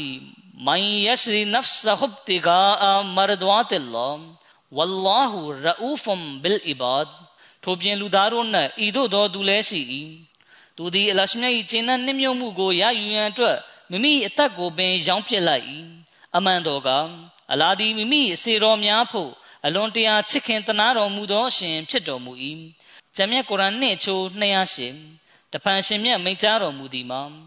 ဖလာမန်အစ္စလမဝဂျဟဟူလ illah ဝဟူဝမုဟ်စင်ဖလဟူအဂျရူဟူအင်ဒရဘ်ဘီဟီ ဝလာခေါဖ်အလိုင်ဟင်ဝလာဟွမ်ယဟဇနူန်ထို့သောအလင်းမဟုတ်ချေအမှန်မှမိသူမဆိုမိမိကိုယ်ကိုအလရှမြတ်ထံပုံအပ်၍ကောင်းမှုပွားများသူဖြစ်အံ့ထို့သူအတွက်သူ၏ဖန်ဆင်းမွေးမြူရှင်ထံတော်တွင်အကျိုးဆုလက်သည်ရှိ၏၎င်းပြင်ထို့သူဖို့မိတို့သောဆိုရင်ကြောင်းရွံ့မှုများရှိမည်မဟုတ်သည့်ပြင်သူတို့သည်ပူဆွေးသောကဖြစ်ကြရမည်လည်းမဟုတ်ချေသည်ဂျမ်းမြတ်ကုရ်အာန်နှင့်ချို173ဆိုလိုသည်မှာ မိမိကိုယ်ကိုအလရှမြတ်ထံပုံအပ်၍ကောင်းမှုပွားများအားထုတ်သူသည်အောင်မြင်လေပြီထို့ပြင်သူသည်အရှင်မြတ်၏နေမတ်ကောင်းကြီးတော်များကိုမြင်တွေ့ခံစားလျက်အရှင်မြတ်အားမျက်မြင်ဒိဋ္ဌမြင်တွေ့နေရသည့်အလားသဘောထား၍အဘာဒတ်ခဖို့စည်းကပ်မှုပြုအံထိုသူအတွက်အလရှမြတ်ထံတော်တွင်အကျိုးဆုလက်သည်ရှိပြီးထို့ပြင်ထိုသူတို့ဖို့မိတို့သောဆိုရင်ကြောက်ရွံ့မှုများရှိမည်မဟုတ်သည့်ပြင်သူတို့သည်ဝမ်းနဲ့ပူဆွေးကြရမည်လည်းမဟုတ်ချေဆိုလိုသည်မှာ သူတို့၏ရည်ရွယ်ချက်ပန်းနိုင်မှာဘုရားသခင်အလရှမြတ်နှင့်အရှင်မြတ်ချစ်ချင်းကိုရရှိပိုင်ဆိုင်ခြင်းဖြစ်သွားလေ၏ထို့ပြင်ဘုရားသခင်လရှမြတ်ထံတော်မှနေမတ်ကောင်းကြီးသည်သူ့အတွက်အကျိုးဆုလက်သဖွယ်ဖြစ်၏တဖန်အခြားတနေရာမှာအရှင်မြတ်မင်းကြားတော်မူသည်မှာယုတ်အီမူနတ်အာမာအလာဟဘီဟီမစ်ကီနောင်ဝယတီမောင်ဝအစီရာအင်နမာနုတအီမူကုမ်လီဝဂျဟီလာဟီ လာနူရီဒူမင်ကုမ်ဂျဇာအောင်ဝလာရှကူရာသူတို့သည်အစားအစာကိုသူတို့၏ခုံမင်နှစ်သက်ရာဖြစ်ပါလျက်နှင့်သူဆင်းရဲများမိဘမဲ့များနှင့်အကျဉ်းချနေသူများကိုကျွေးမွေးကြ၏ကျွန်ုပ်တို့သည်အသင်တို့အားအလာ၏ကျင့်တဲ့တတ်မှုကိုရည်မျော်လျက်သာကျွေးမွေးကြပါ၏ကျွန်ုပ်တို့သည်အသင်တို့ထံမှတစုံတရာတုံ့ပြန်ခြင်းကိုသော၎င်းတစုံတရာကျေးဇူးတင်ခြင်းကိုသော၎င်းအလင်းလိုလားကြသည်မဟုတ်ချေဂျမြတ်ကုရ်အာန်86ချိုး 9:10ဆိုလိုသည်မှာမုံမေယုံကြည်သူဟူသည်ကဘုရားသခင်အားချစ်သောစိတ်ဖြင့်သူစင်းရဲများမိဘမဲ့များနှင့်အချင်းချနေသူများကိုအစားစားကျွေးမွေး၏ထို့နောက်၎င်းတို့ကထို့သို့ကျွေးမွေးခြင်း၏အတုံးလဲ့နေဖြင့်အသင်တို့ထံမှတစုံတရာတုံ့ပြန်ခြင်းကိုတော်၎င်းတစုံတရာကျေးဇူးတင်ခြင်းကိုတော်၎င်းအလင်းမတောင်းတပေထို့အကျိုးပြုမှုများကိုအကြောင်းပြု၍အရှင်မြတ်၏မျက်နှာတော်ကိုဖူးတွေ့ရခြင်းသည်သာလျှင် ကျွန်ုပ်တို့၏အဓိကရည်ရွယ်ဥတီချက်ဖြစ်သည်ဟုပြောကြ၏ဆိုလိုတာကမိမိတို့ခုလိုအကျိုးဆောင်ရခြင်းရည်ရွယ်ချက်ကအလရှမြတ်မိမိတို့ကိုကျေနပ်နှစ်သက်စေဖို့အရှင်မြတ်ရဲ့မျက်နှာတော်ကိုဖူးထွေးခွင့်ရဖို့အတွက်ဖြစ်ပါတယ်စဉ်းစားသင့်သည်ကအထက်ပါအာယမုခဘတ်တော်အားဖြင့်ဂျမ်းမြတ်ကုရ်အန်တွင်စစ်မှန်ရိုးဖြောင့်သောနှလုံးသားဖြင့်အလရှမြတ်၏ချစ်ခြင်းနှင့်အရှင်မြတ်၏ကျေနပ်နှစ်သက်မှုကိုရှာဖွေနိုင်ရန်အလွန်အဆင့်မြင့်မားသောအလရှမြတ်အားခောက်ဝတ်စည်းကပ်ခြင်းနှင့် ကောင်းမြတ်သောအကျင့်သီလများကိုပြဋ္ဌာန်းသတ်မှတ်ထားကြောင်းထင်ရှားပေသည်ခလီဖာသခင်ကြီးမိန့်ကြားပါတယ်အလရှမြတ်ထံတော်မှစစ်မှန်တဲ့ချစ်ချင်းကိုရရှိပိုင်ဆိုင်စေဖို့အတွက်အထက်ပါအာယမုခဘတ်တော်မှာဖော်ပြထားသလိုအလရှမြတ်ရဲ့ဖန်ဆင်းကံလူသားတွေနဲ့ပင်ကိုယ်တဘာဝလျောက်စာနာထောက်ထားမှုဖြင့်ဆက်ဆံရမှာဖြစ်ပါတယ်ဒီတောင်ဝင်ကိုလရှမြတ်ကိုအမှန်တကယ်ချစ်မြတ်နိုးတဲ့မိုးမင်းယုံကြည်သူဘန္တာအစေတော်ကသာလျှင် ထိုက်တဲ့မှန်ကန်စွာ ဖြည့်ဆည်းနိုင်ပါတယ်တဖန်မစီမောဒလစလမ်တခင်ကကစတီနူချမ်းမှာဂျမတ်ဖွဲ့ဝင်တွေကိုတွင်တင်ဆုံးမလျက်အခုလိုမိန့်ကြားပါတယ်ဘုရားသခင်လာရှိမြတ်သည်အသင်တို့ထံကမိသည့်အရာကိုလိုလားပါသည်။အရှင်မြတ်လိုလားသည်ကအသင်တို့သည်ဖန်ဆင်းကံလူသားတို့အားအဒလ်တရားမြတ်စွာပြုမှုဆက်ဆံရမည်။ထို့နောက်ယင်းထက်ပိုသောဆင့်အနေဖြင့်အသင်တို့ပေါ်မိတို့သော ကောင်းမှုကိုမျှမပြုသောသူများကို ကောင်းကျိုးဆောင်ပါလေ။ ထို့နောက်ယင်းထက်ပိုမှုသောအဆင့်အနေဖြင့်အလာဤဖန်ဆင်းကံလူသားအားလုံးပေါ်ဆွေမျိုးရင်းချကဲ့သို့စာနာထောက်ထားချစ်ခင်မှုဖြင့်ဆက်ဆံပါလေ။ပမာစုသောမိခင်သည်သားသမီးကိုဆက်ဆံတကဲ့သို့သည်အကြောင်းဆိုသောဒုတိယအဆင့်ဖြစ်သောအေဆန်စေတနာ၌မိမိကိုယ်ကိုပေါ်လွင်မှုကျေးဇူးတင်ခံလိုမှုတရေသည် ဖုံးကွယ်လျက်ရှိသောကြောင့်ဖြစ်၏စေတနာလျောက်ကျေးဇူးပြုသူသည်တခါတရံတွင်မိမိပြုဖူးသောကျေးဇူးကို ဖော်ပြတတ်လေသည်သို့သောမိခင်တပွဲတဘာဝစိတ်အားဖြင့်ကောင်းကျိုးဆောင်သူသည်မိသည့်အခါတွင်မျှမိမိကိုယ်ကိုပေါ်လွင်လိုမှုကျေးဇူးတင်ခံလိုမှုမရှိကြတို့ဖြစ်ရာနောက်ဆုံးအဆင့်ဖြစ်သော ကောင်းမှုမှာကမိခင်ကဲ့သို့တဘာဝစိတ်အားဖြင့်ပြုလုပ်သောကောင်းမှုပင်ဖြစ်သည်ဤမုခဘတ်တော်သည်ဖန်ဆင်းရှင်လူသားနှင့်ပတ်သက်၍သာရည်ညွှန်းနေသည်မဟုတ်ဘဲဖန်ဆင်းရှင်နှင့်ဆက်လင်း၍လည်းရည်ညွှန်းနေပေသည်ဖန်ဆင်းရှင်ဖျားသခင်နှင့်ဆိုင်သောအဒလတရားများတခြင်းဆိုသည်မှာ အရှင်မြတ်ပေးသနာချီးမြှင့်ထားသော ကောင်းကျိုးဆုလက်တော်များကို အမတ်ရကအရှင်အားနာခံလိုက်နာရန်ဖြစ်သည်အရှင်မြတ်နှင့်ဆိုင်သောအေဟဆန်စေတနာဆိုသည်မှာအရှင်မြတ်အားမြင်နေရတဲ့ကဲ့သို့အရှင်ပေါ်တောက်ဝင်ယုံကြည်ရမည်ထို့နောက်အရှင်မြတ်နှင့်ဆိုင်သောအီတာအီဇလ်ကူရဘာဆွေမျိုးသားချင်းကဲ့သို့ပြုမှုဆက်ဆံခြင်းဆိုသည်မှာအရှင်မြတ်အားအီဘာဒတ်ခတ်ဖို့စည်းကပ်ရာတွင်သူခပုံကိုလိုလား၍လည်းမဟုတ်ရသလိုငရဲကိုကြောက်သောကြောင့်လည်းမဟုတ်ရ သူခပုံရောငရဲပုံပါတတ်မှတ်ချက်မရှိပါလင်လဲအရှင်ပေါ်ထားသောချစ်ချင်းစိတ်အားနှင့်နာခံခြင်းတွင်မိတို့မြခြားနာသွားခြင်းမရှိစေရခလီဖာသခင်ကြီးမိတ်ကြားပါတယ်တဘာဝလျောက်ဖြစ်တဲ့ချစ်ချင်းစိတ်အားနဲ့အရှင်မြတ်ကိုချစ်ရမယ်ဆိုတဲ့အချက်ကိုအထက်မှာအသေးစိတ်တင်ပြခဲ့ပြီးဖြစ်ပါတယ်အဲ့ဒါရဲ့အနှစ်ချုပ်ကိုကစတီနူးကျမ်းမှာသခင်ကြီးကမိန့်ကြားခြင်းဖြစ်ပါတယ်ဒီနောက်ဟကူကုလ်အဘာတ်နဲ့ပတ်သက်တဲ့အကြောင်းကိုတင်ပြလျက်မစီမောဒ်လစ္စလမ်သခင်ထတ်တိုးမိန့်ကြားပါတယ် အလရှမြတ်ကလူသားတို့အားအဒလ်တရားမျှတစွာပြုမှုဆက်ဆံရန်တွင်တင်တော်မူ၏ထို့နောက်ယင်ထက်ပို၍လူတို့အားအေဆန်စေတနာထားကျေးဇူးပြုရန်တွင်တင်တော်မူ၏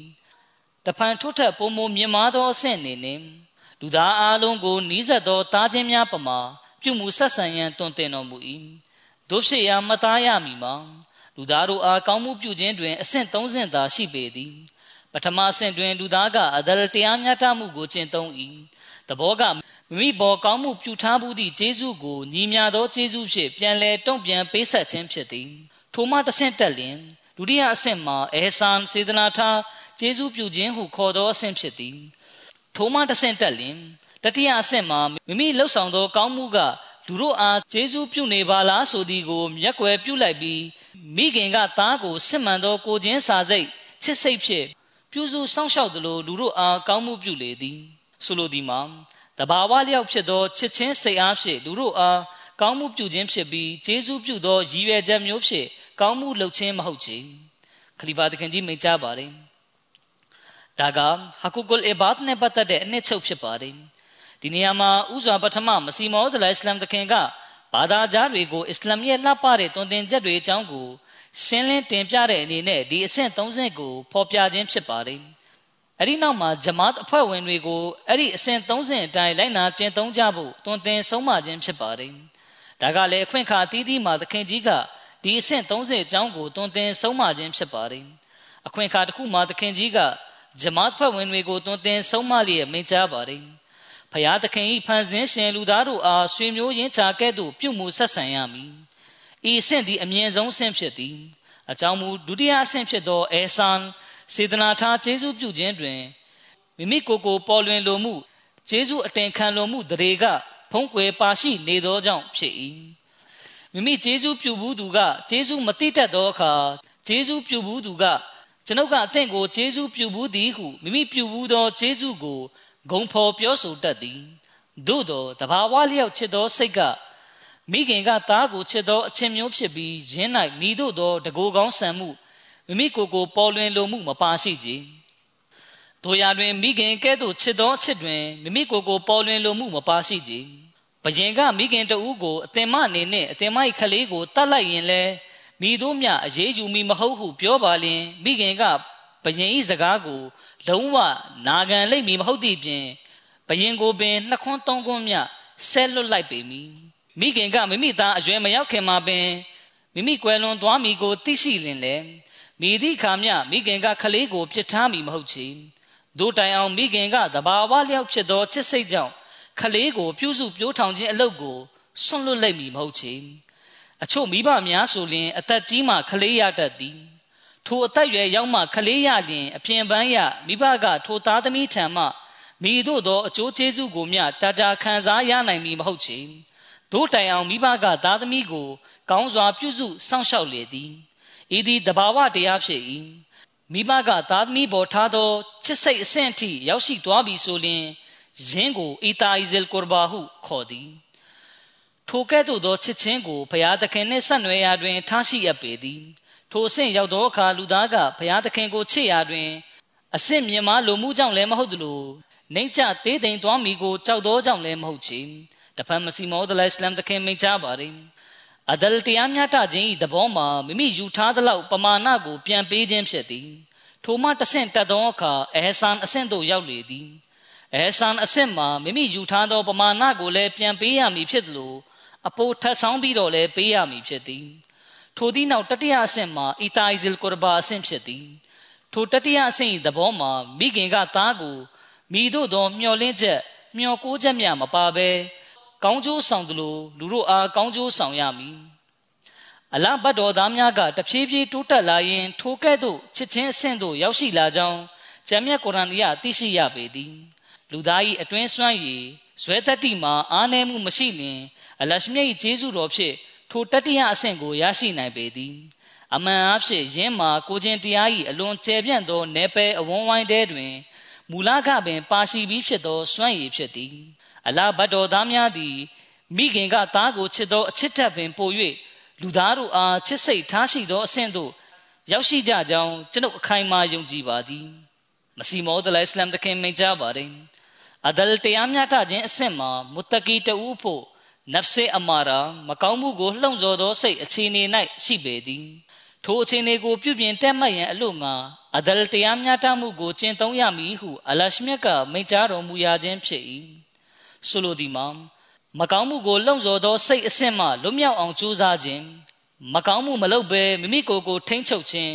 မကောင်းသောအတွေးများမဝင်အောင်ထိမ့်ချုပ်ခြင်းစသည်တို့မှာအဒလအဆင့်ဖြစ်သည်ယင်း၌စိတ်နှင့်ဆန့်ကျင်၍တိုက်ပွဲဝင်ရသည်ဥပမာ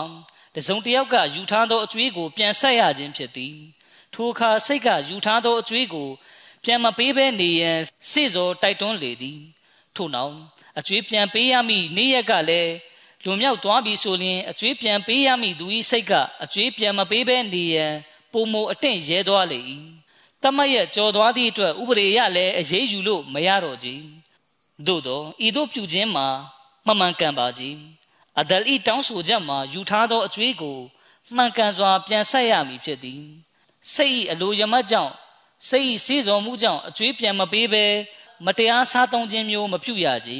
ခလီဖာသခင်ကြီးမိန့်ကြားပါတယ် ဒီနေရာမှာမသားထားရမှာက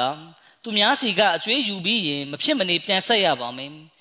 အဲ့ဒီလိုမဟုတ်ဘဲလုံးဝအကျွေးပြန်မဆက်လို့ပဲမတရားပြုမယ်ဆိုရင်တော့အဲ့ဒီလူအနေနဲ့သူ့ရဲ့လောက်ရက်ကိုအလရှမြတ်ကြည့်ရှုနေတယ်ဆိုတာမှတ်ထားပါအပေးယူကိစ္စတွေနဲ့အယောင်းဝယ်တွေမှာဖြစ်ရတဲ့ပြဿနာအများစုကလည်းအခြားသူပေါ်မှာမလိုလားအပ်ပဲယုံကြည်ပြစ်လိုက်ကြတဲ့အတွက်ကြောင့်ဖြစ်ပါတယ်တကယ်တမ်းကဘယ်အချိန်မှမဆိုအပေးယူကိစ္စလုပ်မယ်ဆိုရင် အယောင်းဝယ်လုပ်မယ်ဆိုရင်အဲ့ဒီအချိန်မှရင်တခါတည်းစာရွက်စာတမ်းစာချုပ်နဲ့တကွတက်သေးခံသူတွေရဲ့လက်မှတ်တွေနဲ့စာချုပ်ချုပ်ရမှာဖြစ်ကြောင်းအလရှမြတ်ကဂျမ်းမြတ်ကုရ်အာန်မှာလမ်းညွှန်မိန့်ကြားထားပါတယ်ဒီလိုမဟုတ်ပဲမိမိနဲ့အပေးယူလုပ်တဲ့လူအယောင်ပဲလုပ်တဲ့လူကမိမိဖခင်ဖြစ်လို့ဒါမှမဟုတ်ဆွေမျိုးတော်လို့ဒါမှမဟုတ်မိမိတငယ်ချင်းဖြစ်လို့စာချုပ်စာတမ်းနဲ့ချုပ်ဆိုတာမျိုးမလုပ်ပဲအဲ့ဒီလူပေါ်မှာယုံကြည်လိုက်ရတာဖြစ်တယ်ဆိုတာမျိုးကမဖြစ်သင့်ပါဘူး အဲ့ဒီကနေပဲပြဿနာတွေတက်တာဖြစ်ပြီးအဲ့ဒီကနေတဆင့်နဖ်စေအမာရာကလူသားကိုမှားယွင်းတဲ့လောက်ရက်တွေထဲမှာကြားရောက်သွားဖို့အမားတွေလုပ်ဖို့အတွက်တွန်းအားပေးတာဖြစ်ပါတယ်မိတို့ဆိုစေတဝင်ယုံကြည်သူတယောက်ရဲ့တာဝန်ကအဲ့ဒီလိုလောက်ရက်တွေကနေရှောင်ကျဉ်ရမှာဖြစ်ပြီးအဒလတရားမျှတမှုနဲ့လှုပ်ဆောင်ရပါမယ်မစီမောဒလိုင်စလမ်တခင်မိတ်ကြပါတယ်ကျွန်ုပ်ဝမ်းနည်းရသည်ကအချို့လူတို့သည်ထိုအရေးကိစ္စများကိုလုံးဝဂရုမစိုက်ကြပါကြီး ကျွန်ုပ်၏ဂျမတ်တွင်လည်းမိမိတို့ယူထားသည့်အကျွေးကိုပြန်ဆက်ခြင်းဘက်သို့အာယုံစိုက်သူအလွန်နှဲပါလာပါသည်ဤသည့်အဒလတရားမျှတခြင်းနှင့်ဆက်ကျင်ပါသည်အကျွေးမဆက်သောသူများတေသွားလျင်၎င်းတို့အတွက်တမန်တော်မြတ်ဆလလောလဟ်အလัยဟိဝါစလမ်ကဂျနာဇာနမတ်ကိုဝိမပြုပေးခြင်းထို့ကြောင့်အသင်တို့နဲ့တဦးချင်းတယောက်ချင်းအနေနဲ့အကျွေးပြန်ဆက်ရာတွင် ပေါ်ဆမှုမပြုသင့်ပေမိတို့သောအလွဲသုံးစားပြုမှုနှင့်တစ္ဆာမဲ့မှုကိုမျှမပြုလုပ်အပ်ပေ ထိုရာတို့မှဝေးစွာရှောင်ကျဉ်အပ်ပေသည်အကြောင်းဆိုသောထိုရာတို့မှအလာ၏အမိန့်တော်နှင့်ဆန့်ကျင်သောကြောင့်ဖြစ်၏ထိုကြောင့်ကိုရှင်မြတ်ကဖော်ပြပါအာယတ်မုခဘတ်တော်တွင်မိန့်ကြားထားပါသည်မစီမောဒလအစ္စလမ်တခင်မိန့်ကြားပါတယ်ထို့နောက်တွင်အဲဆန်ဆိုသည့်အဆင့်ဖြစ်သည်အကျဉ်သူသည်အဒလ်ဤတောင်းဆိုချက်များကိုဖြည့်ဆည်းပြီးယင်းဤစီးပေါင်ကိုချိုးဖျက်မှုမပြုပါမူနောက်တစ်ဆင့်ကောင်းမှုပြုနိုင်ရန်အလရှမြတ်ကထိုသူအားစွမ်းအားကိုပေးသနာတော်မူလေသည် အဘယ်မျှဟုမူထိုသူပြုသောအဒလ်တရားမျှတခြင်းကောင်းမှုကပင် အသေးဖွဲမဟုတ်တော့ဘဲအလွန်ကြီးမားသောကောင်းမှုဖြစ်လာလေသည်ထိုမှတစ်ဆင့်ထိုသူအားစေတနာထားကျေးဇူးပြုခြင်းမိသောအဲဆန်အဆင့်သို့တင်ပေးလေသည်တိုတိုင်အောင်အဲဆန်အဆင့်၌ဖုံးကွယ်လျက်ရှိသော အားနည်းချက်တို့ရှိနေပေသေးသည်ထိုအားနည်းချက်မှာတစ်ချိန်ချိန်တွင်မိမိပြုသော ထိုကျေးဇူးကိုဖော်ထုတ်ပြောဆိုတတ်ခြင်းပင်ဖြစ်သည် ဥပမာလူတစ်ယောက်က10နှစ်တိုင်တိုင်တစုံတဦးအားထမင်းကျွေးနေခဲ့သည်ထိုတောတွင်၌ထမင်းကျွေးသူ၏စကားတစ်ခုကိုမနာခံသောကြောင့်ဆန့်ကျင်ဘက်ပြုသောကြောင့်ထိုသူအားအသင်ကိုငါက10နှစ်လုံးလုံးထမင်းကျွေးခဲ့သည်အသင်ကငါ၏ထမင်းကိုစားသောကျွန်ဖြစ်သည်စသဖြင့်ပြောဆိုလျက်မိမိပြုသောထိုကောင်းမှုကိုအကျိုးဖြစ်ထွန်းမှုမရှိ အချီးနှီးဖြစ်အောင်လုပ်ဖြစ်လိုက်လေသည်အချုပ်ဆိုရသောအဲဆန်စေတနာထားကျေးဇူးပြုသူ၏အတွင်း၌ ဖုံးကွယ်လျက်ရှိသော မော်ကြွားမှုပြာစားမှုက ရှိနေလေသည်တို့ရာတွင်တတိယအဆင့်တွင်မူမိတို့သော အားနည်းချက်များဂျင်းညော်များမရှိတော့ကြီးယင်တတိယအဆင့်မှာအီတာအီဇလ်ကူရဘာပင်ဖြစ်သည်အီတာအီဇလ်ကူရဘာအဆင့်မှာတဘာဝလျောက်ဖြစ်သော ကောင်းမှုပြုခြင်းဆိုင်ရာအဆင့်ဖြစ်သည်ဆိုလိုသည်မှာလူသားသည်လောက်ယူဖန်တီးခြင်းမဟုတ်ဘဲတဘာဝအလျောက်ပင် ကောင်းမှုများကိုလှုပ်ဆောင်လာသည့်အခြေအနေကိုခေါ်ဆိုခြင်းဖြစ်သည် ယင်းဥပမာကမိခင်ကသားကိုနိုးကြိုတိုက်ကျွေးကပြုစုပြိုးထောင်စောင့်ရှောက်တကဲ့သို့သော ကောင်းမှုမျိုးကိုဆိုလိုသည်ယင်းတို့သားကိုပြုစုပြိုးထောင်ရာတွင်မိခင်ကငါသားကြီးလာရင်ငါကိုလောက်ကင်ကျွေးမွေးမှာပဲဆိုသည့်မျှော်လင့်ချက်ဖြင့်ပြုစုပြိုးထောင်ခြင်းမျိုးမဟုတ်ချေဘယင်ကခလေးမွေးထားသော မိခင်တဦးကိုခလေးအားနိုးမတိုက်လင်မိတို့မြအပြစ်ပေးမိမဟုတ်ဟုပြောလင်လေ မိခင်ကခလေးကိုနိုးတိုက်သည့်အလုပ်ကိုမိသည့်အခါတွင်မြဆွန့်လွတ်လိုက်မည်မဟုတ်ချေဘယင်ကိုပင်ပြန်ပြီးဆဲရေးပေလိမ့်မည်အဘဲကြောင့်ဆိုသောမိခင်ကသားကိုပြုစုစောင့်ရှောက်ခြင်းမှာတဘာဝလျောက်ဖြစ်သောချစ်စိတ်ကြောင့်ဖြစ်၏မျောကိုးချက်တစ်ခုခုကြောင့်တော်၎င်းကြောက်စိတ်တစ်ခုခုကြောင့်တော်၎င်းမိခင်ကသားကိုပြုစုစောင့်ရှောက်နေခြင်းမဟုတ်ထိုနည်းတူလူသားသည်ကောင်းမှုတွင်အစဉ်စဉ်တိုးတက်လာရင်းဖြင့်နောက်ဆုံးတွင်ထိုလူသားပြုသောကောင်းမှုများမှာ တဘာဝလျောက်ပြုသော ကောင်းမှုများအသွင်ကိုစောင့်လာလေသည်ထိုအဆင့်ကိုနဖ်ဆေမုတ်မိုင်အနာအဆင့်ဟုလည်းခေါ်ပေသည်တဖန်မစီမောဒလအစ္စလမ်တခင်မိန့်ကြားပါတယ်မိခင်ကသားကိုပြုစုစောင့်ရှောက်ရာတွင်အဘယ်မျှလောက်သောအခက်ခဲဒုက္ခနှင့်ရင်ဆိုင်ရပါစေထိုအခက်ခဲဒုက္ခအားလုံးကိုတီးခံမှုပြုလေသည်မိခင်ကထိုတို့အခက်ခဲများကိုရင်ဆိုင်ပြီးတော့သားကိုအေးချမ်းတာယာအောင်ထားလေသည် ကိုယ်တိုင်က ဆိုဆွတ်ထိုင်းမိုင်းသောမြေပြင်၌အိပ်ဆက်ပြီးသားကို၆တွေ့သောအိယာထက်တွင်အိပ်ဆက်စေ၏ခလေးနေထိုင်မကောင်းဖြစ်လျင်ညဘက်တွေမှနိုးထပြီးအမျိုးမျိုးသောအခက်ခဲများကိုခံယူလေသည်တို့ဖြစ်ရာမိခင်ကသားကိုပြုစုစောင့်ရှောက်ရာတွင် အမျိုးမျိုးသောအခက်ခဲဒုက္ခများကိုခံယူခြင်း၌ဟန်ဆောင်ပြစားမှုပါဝင်ပါသလိုခလီဖာသခင်ကြီးမိန့်ကြားပါတယ်တကယ်တော့ဒါဟာတဘာဝလျောက်ဖြစ်တဲ့ချစ်စိတ်ကြောင့်ဖြစ်ပါတယ်ဒီချစ်စိတ်ကဟကုလာနဲ့ ဟကုလ်အီဘတ်ကိုထမ်းဆောင်တဲ့နေရာမှာမိုမင်ယုံကြည်သူတဦးထံ၌ရှိနေဖို့လိုအပ်ပါတယ်မစီမောဒလအစ္စလမ်သခင်မိန့်ကြားပါတယ်အဲဆန်အစင်မှရှေ့ဆက်တက်ပြီးအီတာအီဇလ်ကူရဘာအစင်တို့တိုင်တက်လန်းရန်အလရှမြတ်မိန့်ကြားတော်မူ၏အလရှမြတ်ဖန်ဆင်းကံလူသားတို့အားမိတို့သောအကျိုးမျှော်ကိုးချက်များမပါဘဲ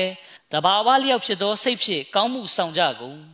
အသင်တို့ဒီလူသားတို့အားအလုတ်ကျွေးပြုရာတွင်မိတို့သောဟန်ဆောင်မှုလောက်ယူဖန်တီးမှုများမပါဝင်စေရ ကျမ်းမြတ်ကုရ်အာန်၏အခြားတနေရာတွင်အလရှမြတ်မိန့်ကြားတော်မူသည်မှာဂျဇာအောင်ဝလာရှုကူရန်လာနူရီဒူမင်ကွမ်ကျွန်ုပ်တို့သည်အသင်တို့ထံမှတစုံတရာတုံ့ပြန်ခြင်းကိုသော၎င်းတစုံတရာကျေးဇူးတင်ခြင်းကိုသော၎င်းအလင်းလိုလားကြသည်မဟုတ်ချေဂျမ်းမြတ်ကုရ်အာန်86အချိုး30ဆိုလိုသည်မှာ ဖျားသခင်ကိုသိပြီးမြင်မာသောအဆင့်သို့ရောက်ရှိနေသည့်ထူးမြတ်သောလူသားတို့လှုပ်ဆောင်နေကြအလုပ်မှာ၎င်းတို့ပြုသောကောင်းမှုမှာအလားတွက်တည်တံ့ဖြစ်၏သူလှုပ်သောကောင်းမှုအတွက်တဝါဆူတောင်းပေးခြင်းကိုသော၎င်းကျေးဇူးတင်ခြင်းကိုသော၎င်းလိုလားသောဆန္ဒမရှိကြထိုသူသည်လူတို့အားချစ်သောစိတ်ကိုချင်းစာသောစိတ်တသက်ဖြင့်အကျိုးဆောင်လေသည်ထိုကဲ့သို့သောတန်ရှင်းမွန်မြတ်သည့်တွင်တင်ချက်ကိုတောရကျမ်းတွင်လည်းမတွေ့ရသလိုအင်ဂျီလ်ကျမ်းတွင်လည်းမတွေ့ရကြ ကျွန်ုပ်ဒီထိုကျမ်းနှစ်ခုစလုံးကိုတမျက်နာခြင်းအသေးစိတ်ဖတ်ရှုလေ့လာပါတော့လေကျမ်းမြတ်ကုရ်အာန်ကသင်ပြသည့်ထိုတန်ရှင်းမွန်မြတ်သောတွင်တင်ချက်မျိုးအမတ်လက္ခဏာမျှပင်မတွေ့ရပါကြ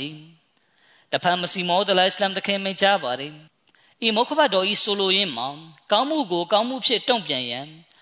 လိုအပ်သောအခါစေတနာတရားထားရှိရန်နှင့်တင်းတင်းလျောက်ပတ်သောအချိန်ခါ၌ဆွေမျိုးရင်းချာကဲ့သို့အချင်းချင်းစိတ်ရင်းစေတနာထက်သန်စွာဖြင့် ကောင်းကျိုးပြုရန်ကျွန်ုပ်တို့အားအမိန့်တော်ချမှတ်ထားပေသည်ဘုရားသခင်သည်ကျွန်ုပ်တို့အားတရားမျှတမှုမဲ့သောအမှုကိုမကျူးလွန်ရန်တားမြစ်၏စေတနာကိုမလျောက်ပတ်သောအချိန်ခါ၌တလွဲတမာတလွဲတမာမထားရှိရန်နှင့်လိုအပ်သောအချိန်ခါ၌စေတနာထားမှုမပြတ်ကွက်ရန်အမိန့်တော်ရှိ၏တင်းတင်းလျောက်ပတ်သောအချိန်ခါတွင်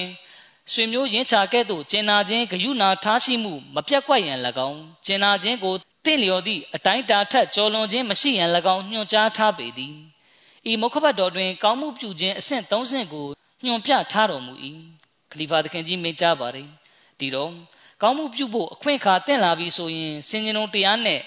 ညီညွတ်မြတ်တာခြင်းကိုမျက်မှောက်ပြုပြီးကောင်းမှုပြုခြင်းသုံးဖို့ကောင်းမှုတတ်တတ်ကိုသာရရှိအောင်လုပ်မယ်ဆိုတဲ့ရည်ရွယ်ချက်ရှိဖို့ဒီအာယတ်တော်ထဲမှာတွင်တင်ထားပါတယ် မိမိတို့ပြုတဲ့ကောင်းမှုတိုင်းကလူသားတွေကိုအကျိုးပြုတာမျိုးပဲဖြစ်ရမယ်ဒီလိုမဟုတ်ပဲလူဖွဲ့စည်းအတွင်းမှာပြည့်ရင်းမှုဖြစ်အောင်လုပ်တာမျိုးမဖြစ်စေရပါဘူးမိဘကသားသမီးကိုအလွန်မင်းချစ်တာမှန်ပေမဲ့ကလေးကတောင်းဆိုတဲ့အတွက်မိခဲကိုလက်ထဲထည့်ပေးတာမျိုးဘယ်တော့မှမလုပ်ပါဘူးဒီတော့တကယ်ရည်ရွယ်ချက်အမှန်ကတစ်ဖက်လူကောင်းစားတာကိုလိုလားတာမျိုးပဲဖြစ်ရပါမယ်ဒီအတွက်ဒီကောင်းမှုအဆင့်၃ခုစလုံးကိုအဆင့်ဆင့်ပြုကျင့်ဖို့လိုအပ်ပါတယ်မ စီမောဒလအစ္စလမ်တခင်မိတ်ကြပါတယ်ပထမအဆင့်မှာကောင်းမှုကိုကောင်းမှုဖြစ်တုံ့ပြန်ခြင်းဖြစ်၏ဤအဆင့်သည်အနိုင်ဆုံးအဆင့်ဖြစ်ပြီးတာမန်လူတဦးပင်ဤအဆင့်ကိုလွယ်ကူစွာရရှိနိုင်၍သူအားကောင်းမှုပြုသူကိုပြန်လည်၍ကောင်းကျိုးပြုနိုင်ပေသည်ဒုတိယအဆင့်မှာပထမအဆင့်ထက်အနည်းငယ်ပုံမခတ်ခဲပြီးသူတစ်ပါးအားမိမိမှစ၍စစ်မှန်သောစေတနာဖြင့်ကောင်းမှုပြုသောအဆင့်ဖြစ်လေသည်ဤအဆင့်သည်အလယ်လက်အဆင့်ဖြစ်၏ များစွာသောသူတို့သည် သူစင်းရဲများပေါ်စေတနာဖြင့်ကောင်းကျိုးပြုကြ၏တို့ရာတွင်ယင်းစေတနာ၌ဖုံးကွယ်နေသောချွင်းချက်ပါရှိ၏မိမိကူညီမှုစေတနာကိုအတိမတ်ပြုခြင်းခံလိုကြ၏မိမိစေတနာအတွက်ခြေဆုတင်ခြင်းကိုသော၎င်းဆုတောင်းမြတ်တာပို့တခြင်းကိုသော၎င်းမျှော်ကိုတောင်းတကြ၏မိသည့်အခါ၌မဆိုခြေဆုအပြုခံရသူကမိမိအားဆန့်ကျင်မှုပြုလာပါကထိုသူအားခြေဆုမတိတတ်သူဟုတတ်မှတ်ကြ၏ အချိန်ခါတင့်တိုင်းမိမိကကူညီပူးဒီကို ထုတ်ဖော်သတိပေးတတ်ပြီးထိုသူအပေါ်၌ဝင်တုပ်ကို တင်စေတတ်ကြ၏သူဖြစ်ရာစေတနာ၏ထိုချုပ်ရင်းမှုကို ပြုပြင်ရန်အလို့ငါစေတနာထားခြေဆုပြုသူတို့အားဂျမ်းမြတ်ကုရ်အာန်ကအောက်ပါတိုင်းတွင်တင်ထားပေသည်လာတုဘတီလူဆဒကာတီကွမ်ဘီလ်မန်နီဝလ်အဇာဂျေဇုကိုဒရီပေးဂုံဖော်ပြောဆိုခြင်းသို့မဟုတ်ဒုက္ခရောက်စေခြင်းဖြင့် မိမိတို့၏ဆွဒကာအလူဒါနများကိုထိုသူကဲ့သို့အချီးနှီးမဖြစ်စေကြကုန်လင်ဂျမ်းမြတ်ကုရ်အာန်နှင့်ချို265ဆိုလိုသည်မှာ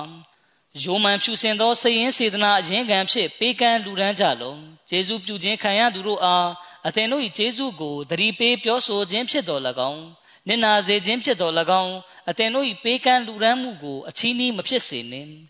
ဤမုခဘတ်တော်ပါအလူဒါနသဒကာဟုသောအာရဘီစကားမှာ မူရင်းစကလုံးစစ်ဒစ်မှဆင်းသက်၍ရိုးဖြောင်ဖြူစင်ခြင်းဟုအတိတ်ပဲရရှိလေသည်အလူဒါနပြုရာတွင်စိတ်နှလုံး၌ရိုးဖြောင်ဖြူစင်ခြင်းမရှိကြကအအလူဒါနသည် အလူဒါနမမီတော့ပဲလူမြင်ယုံပကာသနာမျှသာဖြစ်ပေလိမ့်မည်ထို့ကြောင့်ပင်အလရှမြတ်ကစေတနာထားကျေးဇူးပြုသူတို့အားကျေးဇူးပြုခံရသူတို့အပေါ်အပြစ်ဆိုခြင်းနစ်နာစေခြင်းဖြင့်မိမိတို့၏စေတနာကိုအချီးနှီးမဖြစ်စေရန်တွင်တင်ဆုံးမထားပေသည် ကောင်းမှုပြုခြင်းတတိယအဆင့်ကရွှေမျိုးရင်းချကဲ့သို့ကျင်နာခြင်းဂယုဏထားရှိရန်ဖြစ်သည်ဤဆင့်၌ရှင်မြတ်ညွှန်ကြားတော်မူသည်မှာစေတနာထားခြင်း၌ကျေးဇူးတရားကိုမျှော်ကိုးခြင်းမရှိရန်ကျေးဇူးတုံ့ပြန်ခံလိုသည့်ဆန္ဒလုံးဝမထားရှိရန်နှင့်ကောင်းမှုပြုကူညီခြင်း၌ကိုခြင်းစာတရားစာနာထောက်ထားစိတ်အပြည့်အဝဖြင့်ကူညီရန်ဖြစ်၏ဥပမာအားဖြင့်မိခင်ကသားသမီးများအားပြုသည့်ကောင်းကျိုးမျိုးဖြစ်ပေ၏ ဤကားကောင်းမှုပြုခြင်း၏အမြင့်ဆုံးအဆင့်ဖြစ်၍ထိုထက်တာလွန်သောအဆင့်မရှိနိုင်တော့ကြသို့သောဤကောင်းမှုပြုခြင်းအဆင့်အားလုံးကိုအချိန်တိုင်းနေရာတိုင်း၌ကျင့်သုံးရန်မဟုတ်မူ၍လျှောက်ပတ်သောအချိန်ခါတင့်တင့်သောနေရာတို့၌သာကျင့်ဆောင်ရန်အရှင်မြတ်ကစီးမြင်မူချမှတ်ထားတော်မူပေသည်အထက်တွင်ဖော်ပြခဲ့သောမုခဘတ်တော်သည်ဤကောင်းမှုပြုခြင်းများကိုတင့်တင့်လျှောက်ပတ်သောနေရာများတွင်မကျင်သုံးပါကကောင်းမှုသည်ကောင်းမှုမမီတော့ဘဲ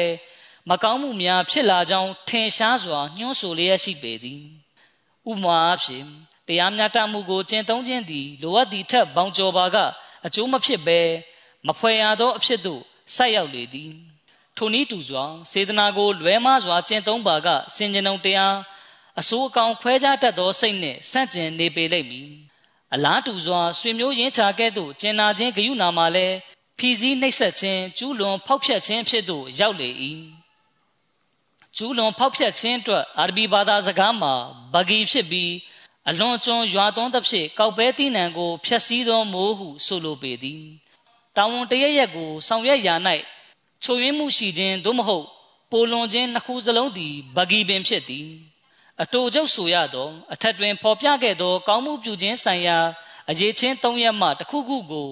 လွဲမားစွာကျင့်သုံးပါကကောင်းမှုပြုခြင်း၌အစွန်းထင်းဖြစ်လာလေသည် ထို့ကြောင့်ပင်ယင်းတို့ကိုတင့်တင့်လျှောက်ပတ်သောနေရာအချိန်ခါတို့၌ကျင့်သုံးရန်စီးမြင်းမှုများချမှတ်ထားပေသည်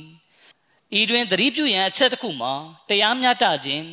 စေတနာတရားနှင့်ဆွေမျိုးရင်းချတို့အားကျင်နာခြင်းတို့သည်ပင်ရင်အားဖြင့်ကိုခြင်းတရားအရေးချင်းများမဟုတ်ချေလူသား၏ပင်ကိုယ်ဇာတိတတ္တိများသာဖြစ်၍စင်ကြင်ုံတရားမဖွင့်ပြိုးသေးသောခလေးများ၌ပင်ရှိတတ်ပေသည်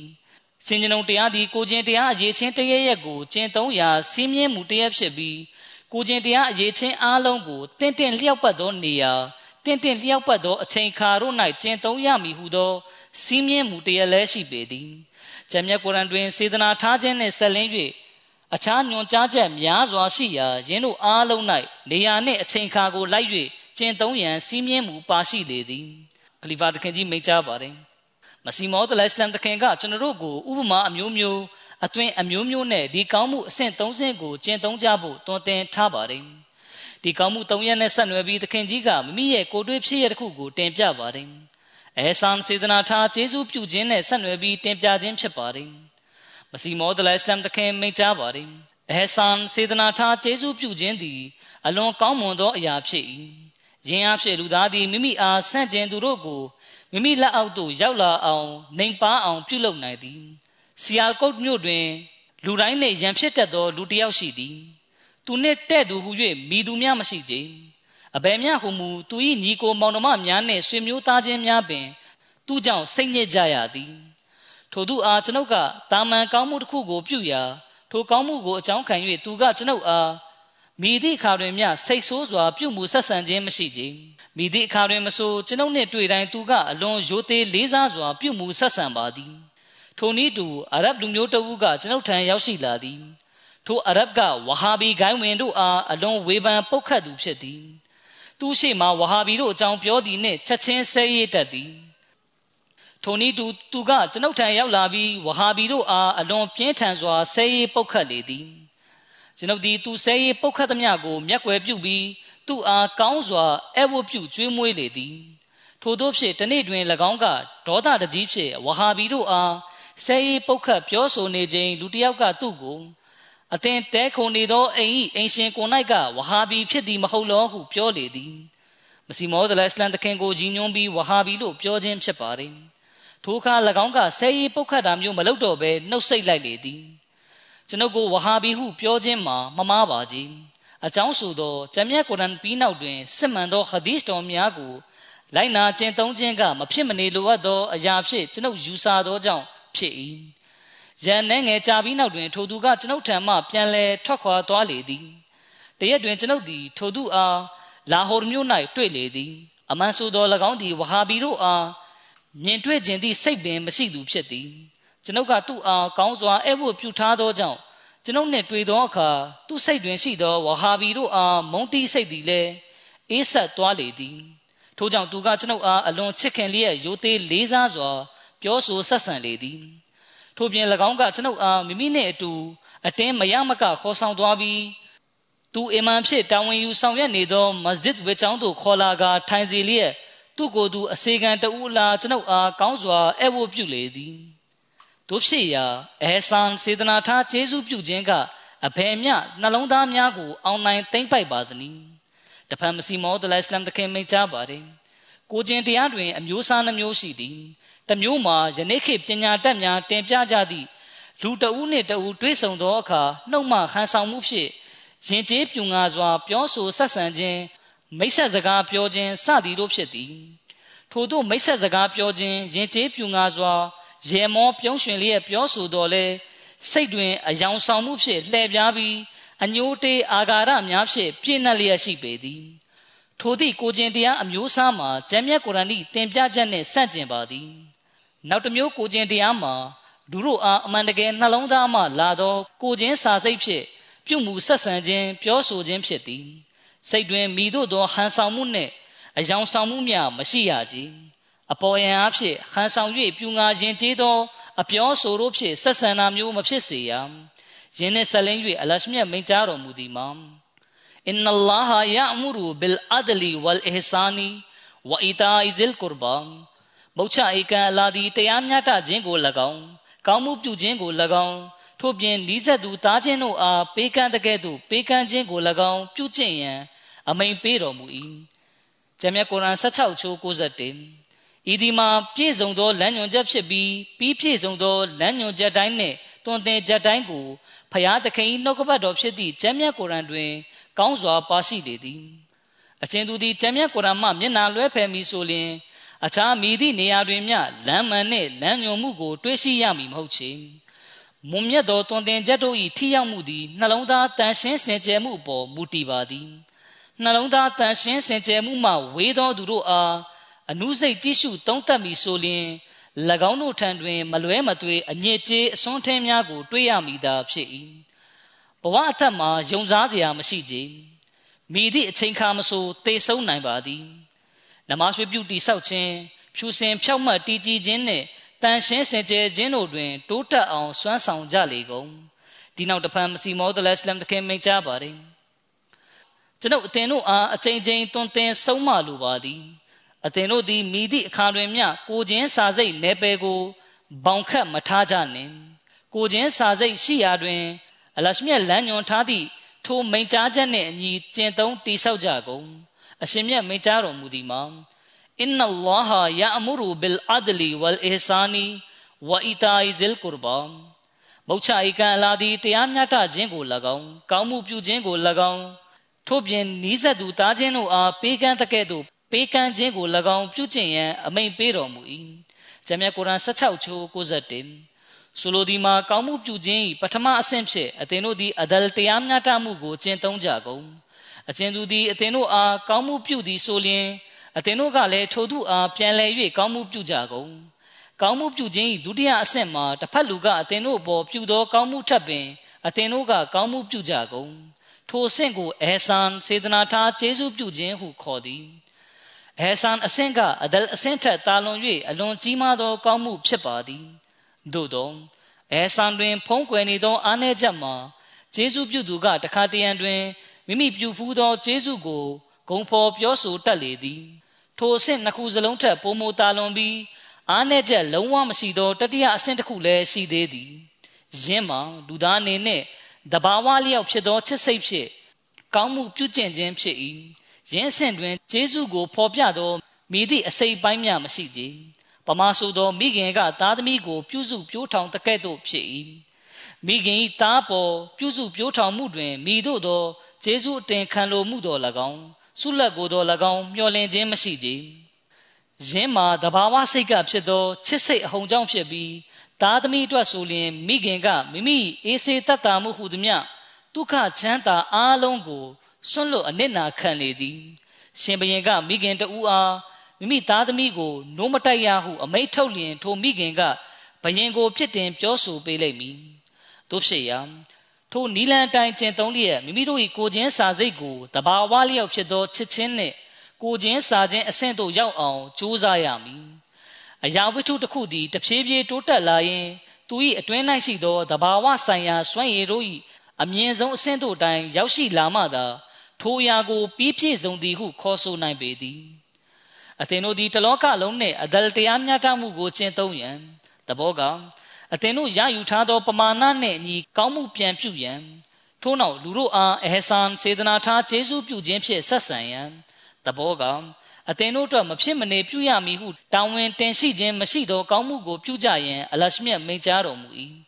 သို့သောစေတနာထားကျေးဇူးပြုခြင်းတည်းဟုသော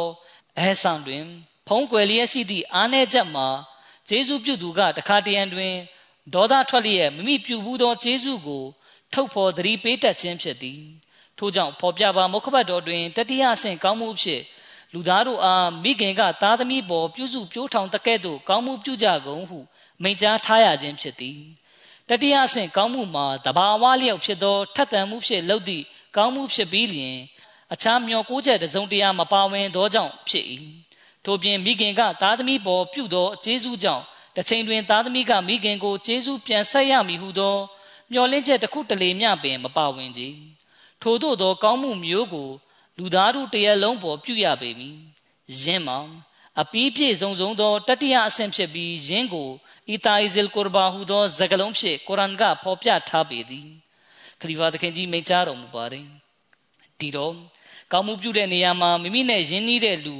မိမိနဲ့ဘာသာတူတဲ့လူတွေကိုသာကောင်းမှုပြုရမှာမဟုတ်ပဲလူသားတိုင်းပေါ်ကောင်းမှုပြုဖို့စေစောတိုက်တွန်းထားပါတယ်ဒါပြင်မိကိုပြန်လဲပြီးကောင်းမှုဖြစ်တုံ့ပြန်မှာပဲဆိုတဲ့စိတ်ဆန္ဒမထားဘဲကောင်းမှုပြုဖို့ကိုလည်းတိုက်တွန်းနှိုးဆော်ထားပါတယ်အဲ့ဒီတတိယအဆင့်ကောင်းမှုကိုပြုကျင့်တဲ့အခါအလရှမြတ်နဲ့စုံစည်းခွင့်ရရှိပါတယ်အလရှမြတ်နဲ့ဆက်နွယ်ပြီးဖော်ပြတဲ့ဒီအဆင့်30အကြောင်းမှာဒါကိုမစီမောဒလစတန်တခင်ကမိန့်ကြားခဲ့ပြီးဖြစ်ပါတယ် မစီမောဒလစလမ်တခင်ကမိမိရေးသားပြုစုတဲ့ကျမ်းစာအုပ်များစွာမိမိပြုလုပ်တဲ့ဇဂဝိုင်းတွေနဲ့စီဝေးပွဲတွေမှာဒီကိုကျင်တရားကောင်းမှုအဆင့်30နဲ့ပတ်သက်ပြီးများစွာနှိုးဆော်တိုက်တွန်းထားပါတယ်ဒါပြင်အခြားဘယ်ဘာသာတရားမှမမရှိတဲ့အစ္စလာမ်ဘာသာရှိတဲ့အလွန်လှပတဲ့သွန်သင်ချက်ကိုတင်ပြထားခြင်းဖြစ်ပါတယ်ဒီတော့အလရှမြတ်နဲ့ဆက်သွယ်မှုကိုရရှိတဲ့အဆင့်ကိုပိုင်ဆိုင်နိုင်ဖို့အတွက်လည်းဒီအဆင့်30ကိုအခြေခံပြီးကျွန်တော်တို့စူးစမ်းသွားရမှာဖြစ်ပါတယ် ဒါပြင်လူသားတွေပေါ်ဖြည့်ဆည်းရမယ့်တာဝန်တွေအတွက်လည်းဒီကောင်းမှုအဆင့်30နဲ့အညီစူးစမ်းသွားရပါမယ်ဒီကောင်းမှုအဆင့်30နဲ့အညီဘဝတည်ဆောက်နိုင်ဖို့အလရှမြတ်ကျွန်တော်တို့အားလုံးကိုစွမ်းပေးသနာတော်မူပါစေမိမိတို့ပြုတဲ့အဘာဒတ်အဆင့်တန်းကိုလည်းအမြင့်ဆုံးအဆင့်နဲ့ပြုသူတွေဖြစ်နိုင်ကြပါစေ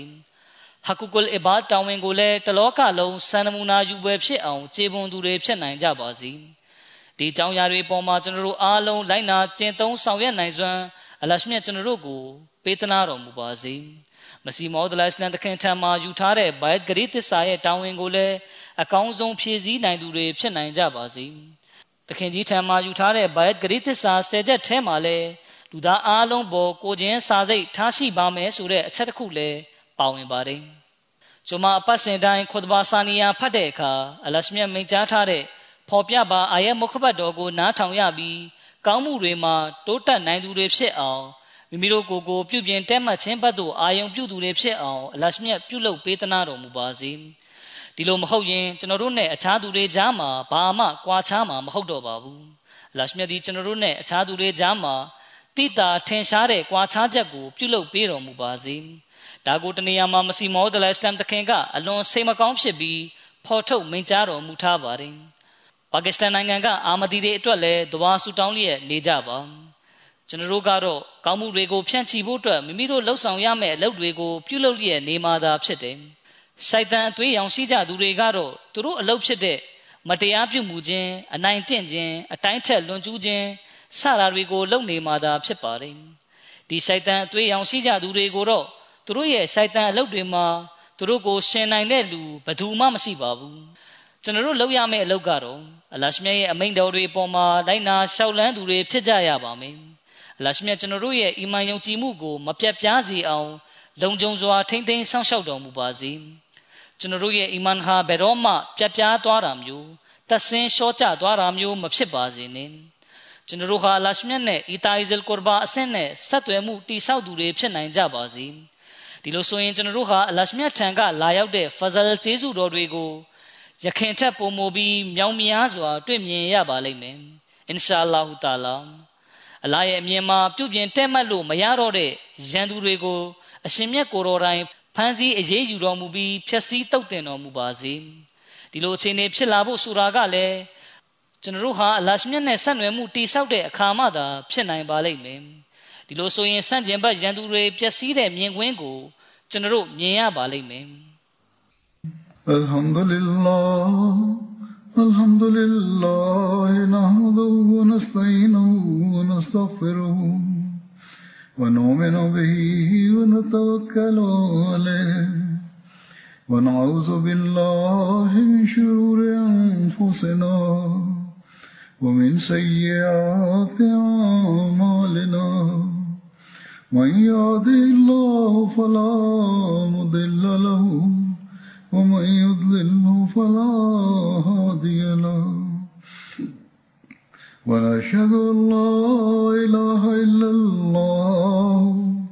ونشهد أن محمدا عبده ورسوله. عباد الله رحمكم الله. إن الله يأمر بالعدل واللسان وإيتاء ذي القربى وينهى عن الفحشاء والمنكر والبغي يعظكم لعلكم تذكرون.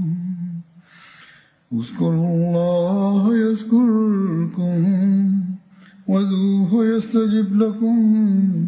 ولذكر الله أكبر.